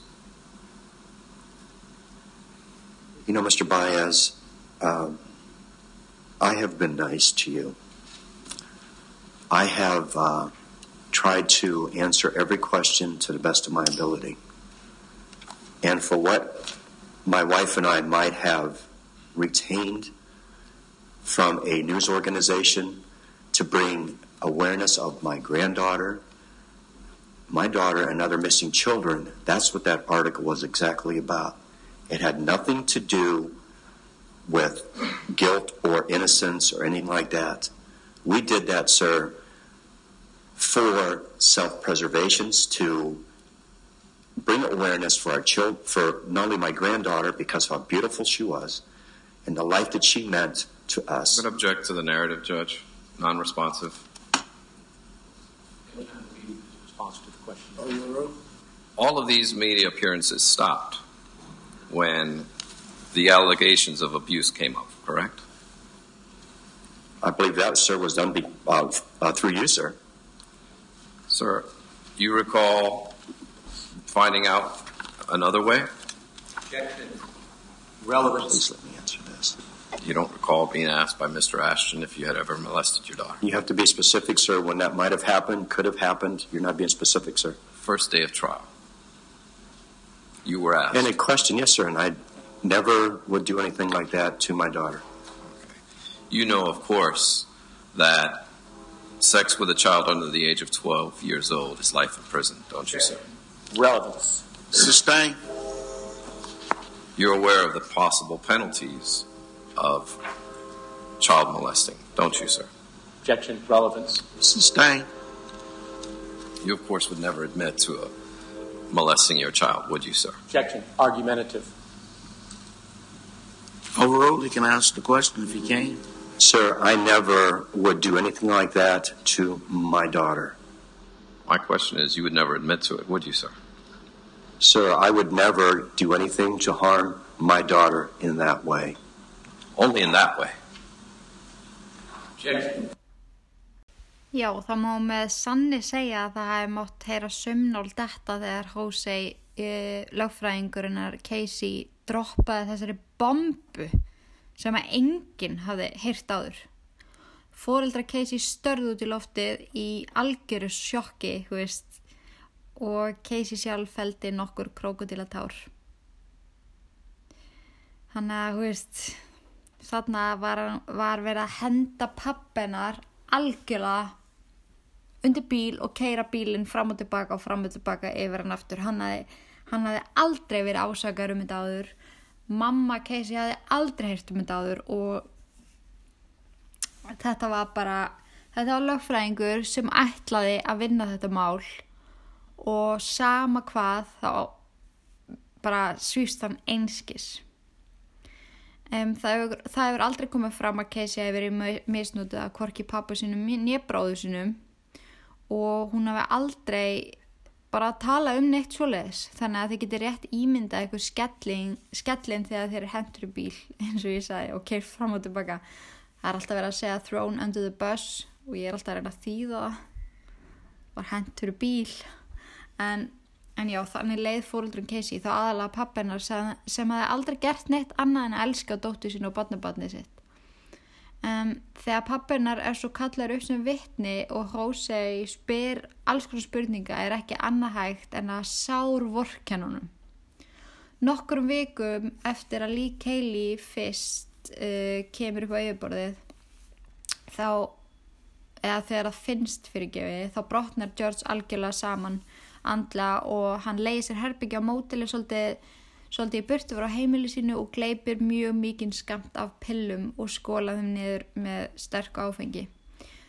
Og þú veist á þessum tíumbindi þá bara gata hann ekki meira. Honum fannst hann að brúðist fjölskyttinu sinni. Hann gati ekki hugsa sér sná, snúa aftur út í lífið og þurfa að vennjast þessu öllu. Og hann taldi það fyrir bestu að fara bara og vera með Keili það væri þá allavega einhver að passa upp á hana en í staðin fyrir að líta á þetta sem sirkjandi föður og afa þá málaði Hosei upp mynd af George sem að sem ætti að vera maður sem er að drefast úr sektakend yfir að hafa misnútu dóttu sinni öll þessu ár. Hjálpa henni að losa sig við líki af, case, hérna, af Kelly og logi svo fyrir hann í allar hennar tíma. Þetta var ekki sirkjandi maður þetta var maður með sektakend og hann sá bara ekkert annað í stöðunni heldur en að fyrirfara sér. Sko á þessum tíma þegar ég var að researcha málið þá bara blöskraði mér. Mér finnst þetta svo ógeðslega fucking óforskamma að ég fæ bara svona kaldan hrollu að hugsa út í þetta veist, ég myndi kannski trúa þessu öllu ef að þetta hafi eitthvað sem komið fram áður en, en þetta eru algjörlega nýjar upplýsingar. Þetta er eitthvað sem var dreyið upp úr hatti bara til að segja þetta mál. Öll símtölinn sem að maður getur heyrt á milli George og Casey veist, í fangelsinu, það er ekkert sem bendir til þess að sambandið þeirra hafi verið á einhvern hátt styrtið að þvinga. Og líka bara það, veist, hver myndi leifa barninu sín að vera hjá barnani nánast allar helgar veist, come on. Casey Anthony er kona sem er algjörlega að kapna úr freki og engirni og lífi hennar var ekki eins og hún vildi og þá gerur hún allt sem það er að gera svo, svo það verði eins og hún, eins og hún vil þú veist, mér finnst þetta bara fárulegt en það var helviti mikil skellur fyrir alla í réttasalunum að heyra þessar upplýsingar uh, en að mínu mati fer prosecution tímið uh, með mjög stert mál á móti og þar í farabróti er Jeff Aston sem að flytur mál þar og ef að þið viljið skoða þetta mál frekar þá hveti ég ykkur til, til að fara á YouTube og hlusta á báða hliðar hjá lögfræðingunum. Þetta er, þetta er rosalega langt og þetta er samt mjög áhugavert og þetta gefur miklu betri sín á málið. Og þeir eru báðið mjög samfærandi og klári lögfræðingar og einmitt fara með mjög stert mál. Og, og ég hugsaði með mér að setja báða henn inn. Ég ákvaði að setja alveg frekar langan bút úr lögfræðingnum hennar að því að mér finnst það bara svo ótrúlegur hú veist, lengdin þar sem hann fór til þess að vendana var alveg ótrúlegt. Þannig ég setti kannski svolítið langa klippa á því en þið getur farið að hlusta á þetta í, í hérna fullri lengd en það er búið að klippa út bara veist, ræðinu sjálfa. Og já, ég var eitthvað að ég ætti ég kannski að setja þetta bara bæðið en það hefði verið ángrið svona 5 klukkutíma þáttur það er kannski aðeins langt gengið en mér finnst segja svo ótrúlega mikið um þetta mál hvernig mér persónulega líður með það. Veist, alveg eins og ég segi ykkur í upphafi þá, þá femmar ósérátt í aðra áttina bara án þess að vera eitthvað mikið að spá í þessu. Því að þú veist ég er ángriðs oft típan sem að vorkennir seka fólkinu og veist eins og málið sem ég tók í síðast þetta með Jeffrey Dahmer. Ég vorkenn alveg Jeffrey Dahmer. Samt var hann ógeðslegur. Hann draf ótrúlega marga manneskjur en ég fann það samt einhvern veginn í mér að vorkennunum á ákveðunum tíumpunktum, fattiði mig? Þannig að ég á ótrúlega auðvelt með að skoða báð hliðir en að mínum áti er einhvern veginn engin önnur hlið þegar kemur á þessu málu það er engin annar til staðar til að kenna þessum.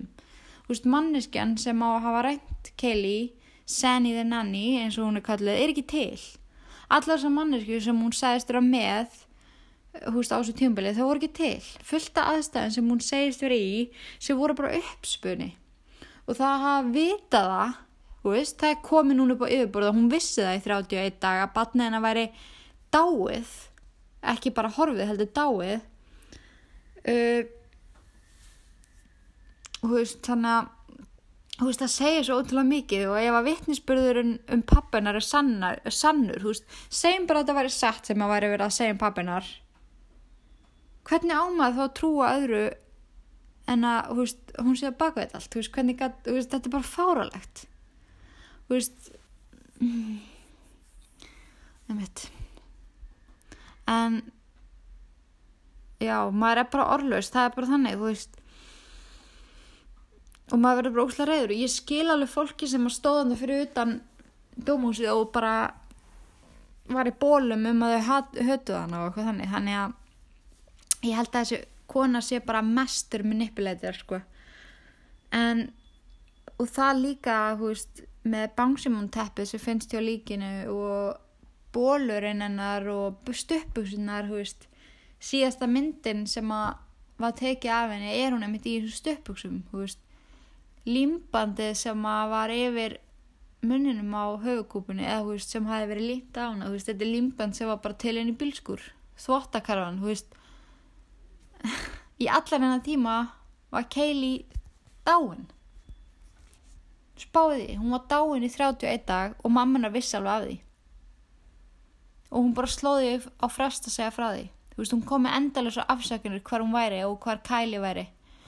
Og hvað þá já, og, og hún stóð var hjá þessum vini og þessum vinu sínum og þessum kærustum sem hún átti hér og þar og hún var í ferðarlegi hérna og þarna og Keili var hjá eh, hérna konun sem var að passa hann og leganar auðvitað bara svo miklar að það er hættu að make a sense. Og þú veist þegar einn lígin hætti að make a sense þá bjóðum bara til ykkur aðra lígi og Casey komst upp með þetta þar til mamma hennar ringdi þessi þrjú örlaðaríku símtöl, þann 15. júli 2008 og þú veist hún hefði öruglega reynd að komast upp með þetta eins lengi hún mögulega gatt en það sem kom líka fram er að uh, hún man þessa tölu svona sérstaklega vel 31 dagur að því hún var alveg greinilega að telja. Því að þegar að Kæli hefði verið búin að vera tínd í 55 daga þá hefði 50.50 dagunum verið maðuradagur og þá veit, veit, vissi hún að mamma hennar hefði krafist þess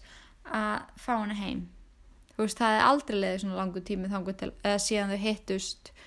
Og þau voru vön að hafa barnabarni sitt mikið hjá sér þannig að hún var alveg greinlega að telja, þú veist, 31 dagur. En það tók fyrir um 11 klukkustundir að komast uh, að niðurstöðum örlög Casey Anthony. Og fyrir henni lág döðadóm, döðadómur eða bara, þú veist, execution eða lífstíðar fangelsisvist, það fór bara eftir hvað hviðdómur hefði sagt, eða frelsi. Og fólk stóð í þessum tölu orðum í þúsundatali fyrir utan dómhúsið fólk, fólk fylgdist með réttahaldunum live í sjóarpinu og það var var ángrið svona ræjot fyrir utan uh, húsið um húst, hver geti, húst, af því að það er alltaf hleyft ykkur, ykkur um part á almenningi inn í svona réttarhald og fólk var að berjast um að fá að vera aðninni og fólk algjörlega hata hann út af lífinu og hún var kallið babykiller og margt fleira og á þessum tímapunkti þá var hún hataðasta kona í bandaríkjanum og fólk vildi ekkert meira heldur en að fá hana bak við lásaslá en ég ætla að leifa ykkur að heyra núna bara beint úr réttasalunum hvað dóm hún fekk. The Circuit Court for the Ninth Judicial Circuit in and for Orange County, Florida. State of Florida versus Casey Marie Anthony. As to case number 2008 CF 15606-0. As to the charge of first degree murder, verdict as to count one, we, the jury, find the defendant not guilty, so say we all, dated at Orlando, Orange County, Florida, on this fifth day of July, 2011, signed for person. As to the charge of aggravated child abuse, verdict as to count two, we, the jury, find the defendant not guilty, so say we all, dated at Orlando, Orange County, Florida, this fifth day of July, 2011, signed for person. As to the charge of aggravated manslaughter of a child, Verdict is to count three. We, the jury, find the defendant not guilty. So say we all, dated at Orlando, Orange County, Florida, this fifth day of July, 2011, signed for person. As to the charge of providing false information to a law enforcement officer, verdict as to count four. We, the jury, find the defendant guilty of providing false information to a law enforcement officer as charged in the indictment. So say we all, dated Orlando, Orange County, Florida, this fifth day of July, 2011, signed for person. As to the charge of providing false information to law enforcement officer, verdict is to count five. We, the jury, find the defendant guilty of providing false information to a law enforcement officer as charged in the indictment. So say we all, dated Orlando, Orange County, Florida, this fifth day of July, 2011, signed for person. As to the charge of providing false information to a law enforcement officer, verdict is to count six. We, the jury, find the defendant not guilty. Sorry. We, the jury, find the defendant guilty of providing false information to a law enforcement officer as charged in the indictment. So say we all, dated Orlando, Orange County, Florida, this fifth day of July, 2011, signed for person. As to the charge of providing false information to a law enforcement officer, verdict is to count seven. We, the jury, find the defendant guilty of providing false information to a law enforcement officer as charged in the indictment. So say we all, dated Orlando, Orange County, Florida, this fifth day of July, 2011, signed for person.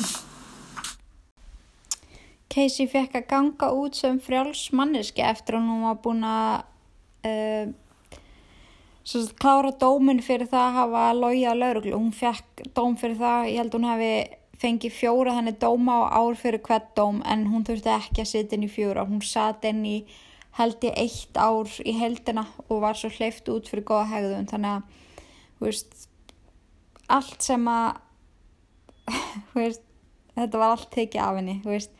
Hann var það samfærandi að hann náði að samfæra kveðdóm um þetta og og það sem hann sagði um pappinar ég setti það mitt inn í klippuna á eftir því sem að hann droppaði þarna í réttasalunum þegar að það er bombað þess á pappinar að hafa misnotaðan og það sé þess vegna sem að hún sé legari að því að hún lærði aldrei neitt annað. Þú veist pappina var ekki dæmdur fyrir neitt þannig að það, það, það var engin dæmdur fyrir neitt. Keili dó bara og hún fekk aldrei neitt closure. Það var aldrei fundið út hvað kom fyrir.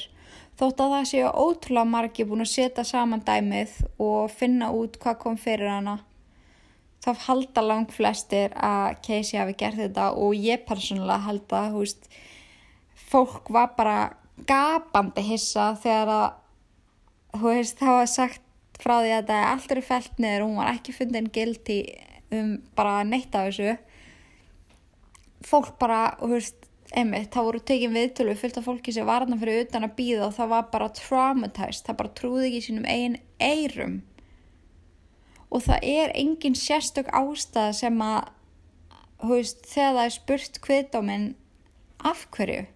Veist, það voru miklu, miklu fleiri sönnunagögn á mótenni heldur en nokkuð tíma með henni sem að og það er einhvern veginn engi sem getur nákvæmlega útskýrt þetta og þetta er klárlega umdeldasta mál bara 2001. aldreinar veist, þetta er bara álíka, þetta er bara álíka umdelt á O.J. Simpson málið þú veist þú veist, hann var sakveldur af, einmitt, einhverju fárlega út af einhverjum hanska skiljiði mig þannig að það máli klárlega líka þessum einstaklingum saman þótt að O.J. hefði verið frægum maður og, og, en þessi hefði ekki við það. Hún var það þarna bara einum sólaringa vissu. Allir bara í heiminum hver þetta var. Og enn í dag þú veist þá getur hún ekkert Casey getur ekkert átt eitthvað eðlilegt líf því að fólk bara grítir hana þú veist það er búið að ráðast ofta á hana eftir hún sást út á götu og eitthvað svo leiðis og þú veist, hún getur ekkert átt eitthvað eðlilegt líf, þú veist, hún er ekki í sambandi við pappa pappa er náttúrulega bara lokað á hana eftir að, þú veist, hún reyndi að klína svo alltaf hann, segja að hann hefði verið að misnóta hana og, og það hefði verið hann sem að koma stelpunni druknar í sundleginu og farið og losa sig við líkið og teipaði munnin á henni og, veist, hann bara gæti ekki hugsa sér að að vera í samskiptu við hana og þú veist og fóreldra Casey Anthony eru búin að fara í ótrúlega mikið viðtölum eftir þetta þeir fóru til dæmis í viðtöl til Dr. Phil og lögfræðingurinn hennar Casey fór líka í viðtöl til Dr. Phil ég mæli með að þið horfi á þessi viðtöl þau eru mjög áhugaverð en í dag þá halda fóreldra Casey fram að það hefur verið ótrúlega mikið mistök að leifin að ganga bara út í frelsi aftur þá aðalega pappinar, þú veist, mamminar er alltaf þetta hlutlaus þú veist, hún vill venda dóttir sína en pappinar segir að það hefur verið mistök að senda hana aftur út í lífið því að, þú veist, henn, henn er, henn býður ekki neitt veist, það er ekkert sem að býður hennar því að það vill enginn taka þátt í lífin hennar. En hún hefur ekkert tjáð sig í rauninu málið, þú veist. Hún var með eitthvað svona vídeo blogg í eitthvað smá tíma þú veist, en fólk bara var með svo mikið að morðhóttunum og, og þetta laga eitthvað neginn alltaf á neti þannig að veist, það gekk ekki upp, þið getið fundið það á YouTube. Og og einmitt, þetta er bara farlegt en fólk, veist, það sem fólk heldur að hafi gæst er að veist, það halda flestir þetta hafi verið eitthvað svona slið sem gerðist eða svona eitthvað, þú veist Það, eru sömur sem segja að hún hefur notað klóroform til að svæfa hana svona djúpum svefni þannig að hún geti farið út að skemta sér á þess að hún myndi vakna. Mér finnst það svona freka langsótt. Mér finnst alveg mjög líklegt að klóroformi sé einhvern veginn inn í þessu, inn í þessu jöfnu þar sem hún var að googla þetta og hver er að googla þetta eitthvað í gannisnu. En ég held að hún hafi banað henni óvart og ekki vita hvað hann ætti að gera og snúi sér svona út um málan þar sem að hún er ótrúlega veikur einstaklingur sem að býr til legar bara eins og við fáum okkur smjörun og bröðu sko en mér langar ótrúlega í endan á þessu öllu saman, ég er ekki alveg búinn en sko að því að þeir eru núna búin að heyra alls konar um hana og hún kemur alltaf út sem þessi ljúfi einstaklingur þótt að maður þólan ekki þá mánalega eiga það. Að hún er ótrúlega kurtis í viðtölum og svo leiðis að mér langar ótrúlega að lega ykkur að heyra símtal sem hún ringi sérst í fóldra sína og í símtalinu fáið svolítið að heyra hvernig hún er í alvörunni. Hún er ógeðslega frek og dónaleg og svona tilætlunasöm og mér finnst það ótrúlega mikilvægt að við spáum í því hvernig týpa hún er, hún er ekki bara einhver ljúf og falleg kona. Það er svo mikið meira sem býr ég ætla að lega ykkur að heyra þetta og, þið, og ég skal loka því að þið munu veist, breyta pínu um skoðun á henni. Þóttu þóleðan ekki. Æ þið skilji hvað þið þú veist, hún er svo ótrúlega dónaleg í þessu símtali.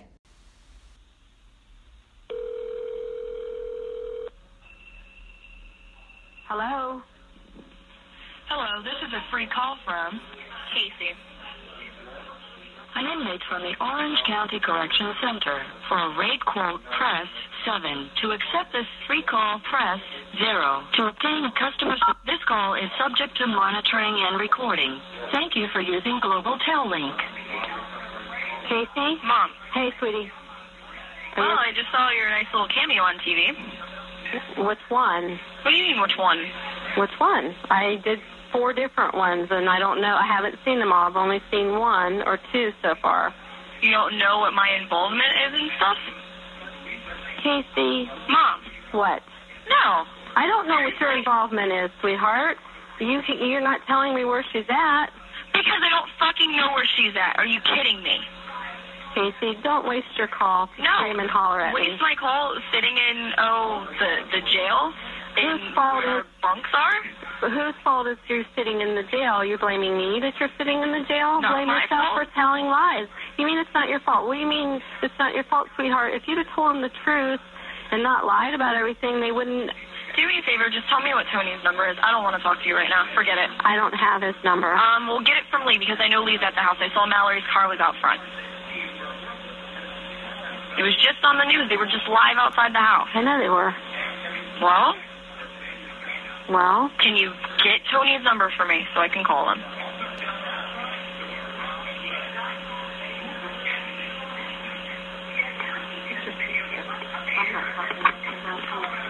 Hey, Hey, can you give me Tony's number? I I can do that. I don't know what real good it's going to do you at this point. Well, I'd like to talk to him anyway. Okay. Because I called to talk to my mother, and it it's a fucking waste. Oh, by the way, I don't want any of you coming up here when I have my my first hearing for bond and everything else. Like, don't even fucking waste your time coming up here. You know, you're having a real tough. You're making it real tough for anybody to want to try to even assist you with giving you somebody's phone number. You're not even letting me finish. Like, I really. Let's go ahead.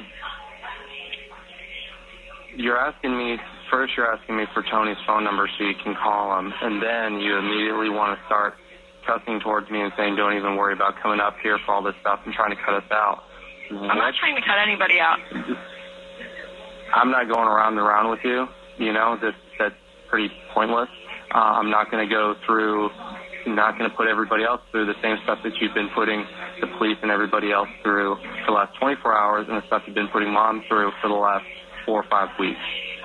I'm done with that. So you can tell me what's going on. Christina would love to talk to you because she thinks that you will tell her what's going on. Frankly, we're going to find out something, whatever's going on, it's going to be found out. So why not do it now? Save There's yourself nothing to find extra- out. There's absolutely nothing to find out, and that's even what I told the detective. Well, you know, everything I that have you're no telling clue them where is a Kaylee is. If I knew where Kaylee was, do you think any of this would be happening? No. Anyway, you only got a couple minutes with us, so I'm not going to let you completely waste it. Here's Christina. She thinks she can get through. No, no, I want Tony's number. I'm not talking to anybody else. Hello. Hi, I'm glad everybody's at my house. I'll have to call you later. I'll have to call somebody to get your number. Do me a favor, get my brother back because I need Tony's number.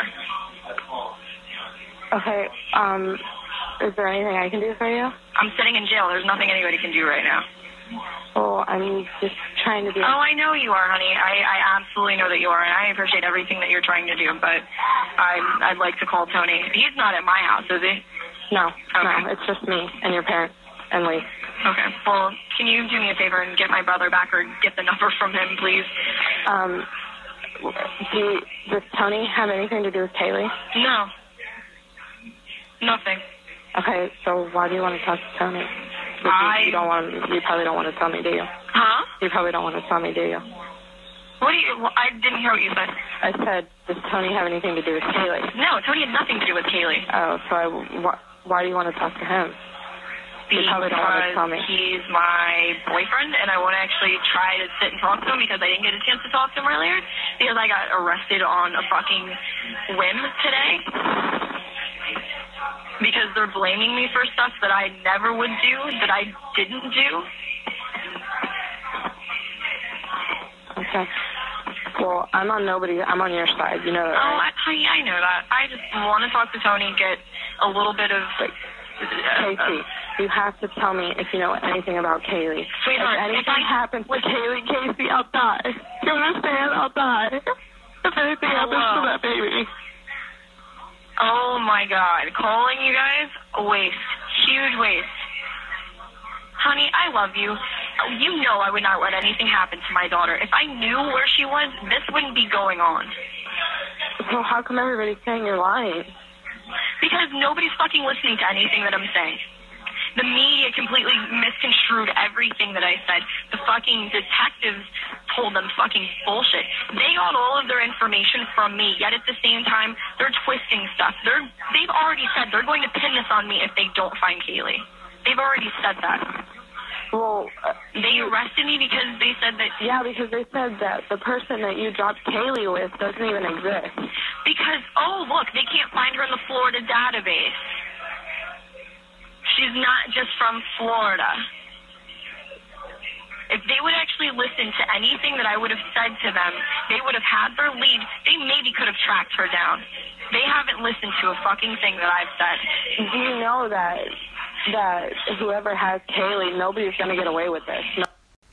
Casey fór svo í viðtal fyrir nokkru mánuðum en það er í rauninni í fyrsta sinn sem hún tjáur sig almennilega um þetta mál og reporterinn þurfti að fara heim til hennar til að ræða við hana en þar síndi hún honum e, listaverkin sem hún var að vinni og ljósmyndin, ljósmyndinar sem hún to- tekur en, en ótrúlegt en satt þá starfar hún sem svona spæjari í rauninni. Það er að ráða hana til þess að njóstna til dæmis um manniðin sem er að halda framhjáður og alls konar þannig. Hún segist að hafa lært svo ótrúlega mikið af uh, þessari lífstreynslu sem hún fór í gegnum að henni langaði að nýta þetta góðs. oh en ég ætla að lega ykkur að heyra núna nokkur orð sem að hún uh, sagði bara hérna fyrir nokkru mánuðum og enn í dag þá gefur hún ekkert upp. Recorded audio of the interview. I see why I was treated the way that I was, even had I been completely truthful with those officers. What weren't you truthful about? And I understand it might have been out of panic. It- you No, know, it was things that I didn't know at the time. I'm still not even certain as I stand here today about what happened. I don't to your understanding, how did she die? I don't know. You don't know. Something about drowning, possibly. Everyone else has their theories. I don't know. Uh huh. So your parents had her, My dad did. and next, next thing you know, she's I- missing, and right. How did it play? I did what I was told. I don't remember too much of what happened. Give me the situation when things went wrong. When when did things go wrong? All of a sudden, it's like, where's Kaylee? Like, is that how it went? No, what I remember is being in bed, Mm-hmm. my mom coming in before she left for work and saying goodbye to us. Mm-hmm. And then waking up several hours later. And Later in the morning, later in the in the morning. Hour, two hours later, and not knowing where she was. Don't you wish you know what happened? Absolutely. I don't give a about what anybody thinks about me. I don't care about that. I never will. I'm okay with myself. I sleep pretty good at night.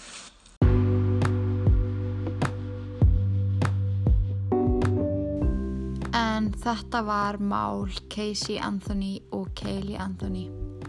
Blessu sér minning litlu stelpunar. Casey er klálega eina af þeim sem á ekki skilja að hafa eitthvað tíma nátt börn. Mér persónulega finnst, eða mér finnst ekki neitt, ég bara held að hún hafi á allan hátt átt hluti þessu eins og ég sagði ykkur frá áðan. Uh, ég, ég er ótrúlega spennt að heyra hvað ykkur finnst um þetta mál því að þetta er einmitt bara veist, það er mjög skiljanlegt af hverju þetta var svona stórt mál því að þetta er alveg ótrúlegt og bara um að gera þegar þessi þáttu kemur út að við skulum taka spjall inn á Íllverk-grúpunni á Facebook sem að stækkar og dafnar öll með hverjum deginum sem líður. Eins og maður segir, það er ótrúlega gaman. Gaman að sjá hvað fjölskyldan er að stækka. En já, ég hlaka virkilega til í að heyra í ykkur. Um, ég ætla að koma um smá tilkynningu en þættinni munu núna framvegis koma út á mánudum, ekki á sunnudum uh, bara þægilega fyrir mig persónulega, ég vona að þetta valdi ykkur ekki neinum óþægendum þetta er hvað sem er alltaf að koma út svo sent á sunnudum að breyti kannski engum máli. Uh, þannig að þið með reikna með að hann komi út þá mögulega eins fyrr á mánudum þannig að þið vitið af því. En elsku lömpin mín takk fyrir að hlusta í dag. Þið eru frábær. Uh, love you guys. Thanks for listening eins og youtuberarnir segja. Og í guðanabænum forðust öll ítlverk nema þetta podcast og ég hlakka ótrúlega til að heyra betur í ykkur og við heyrum svo með nýjan þátt af viku liðinni Takk í dag og Guð geim ykkur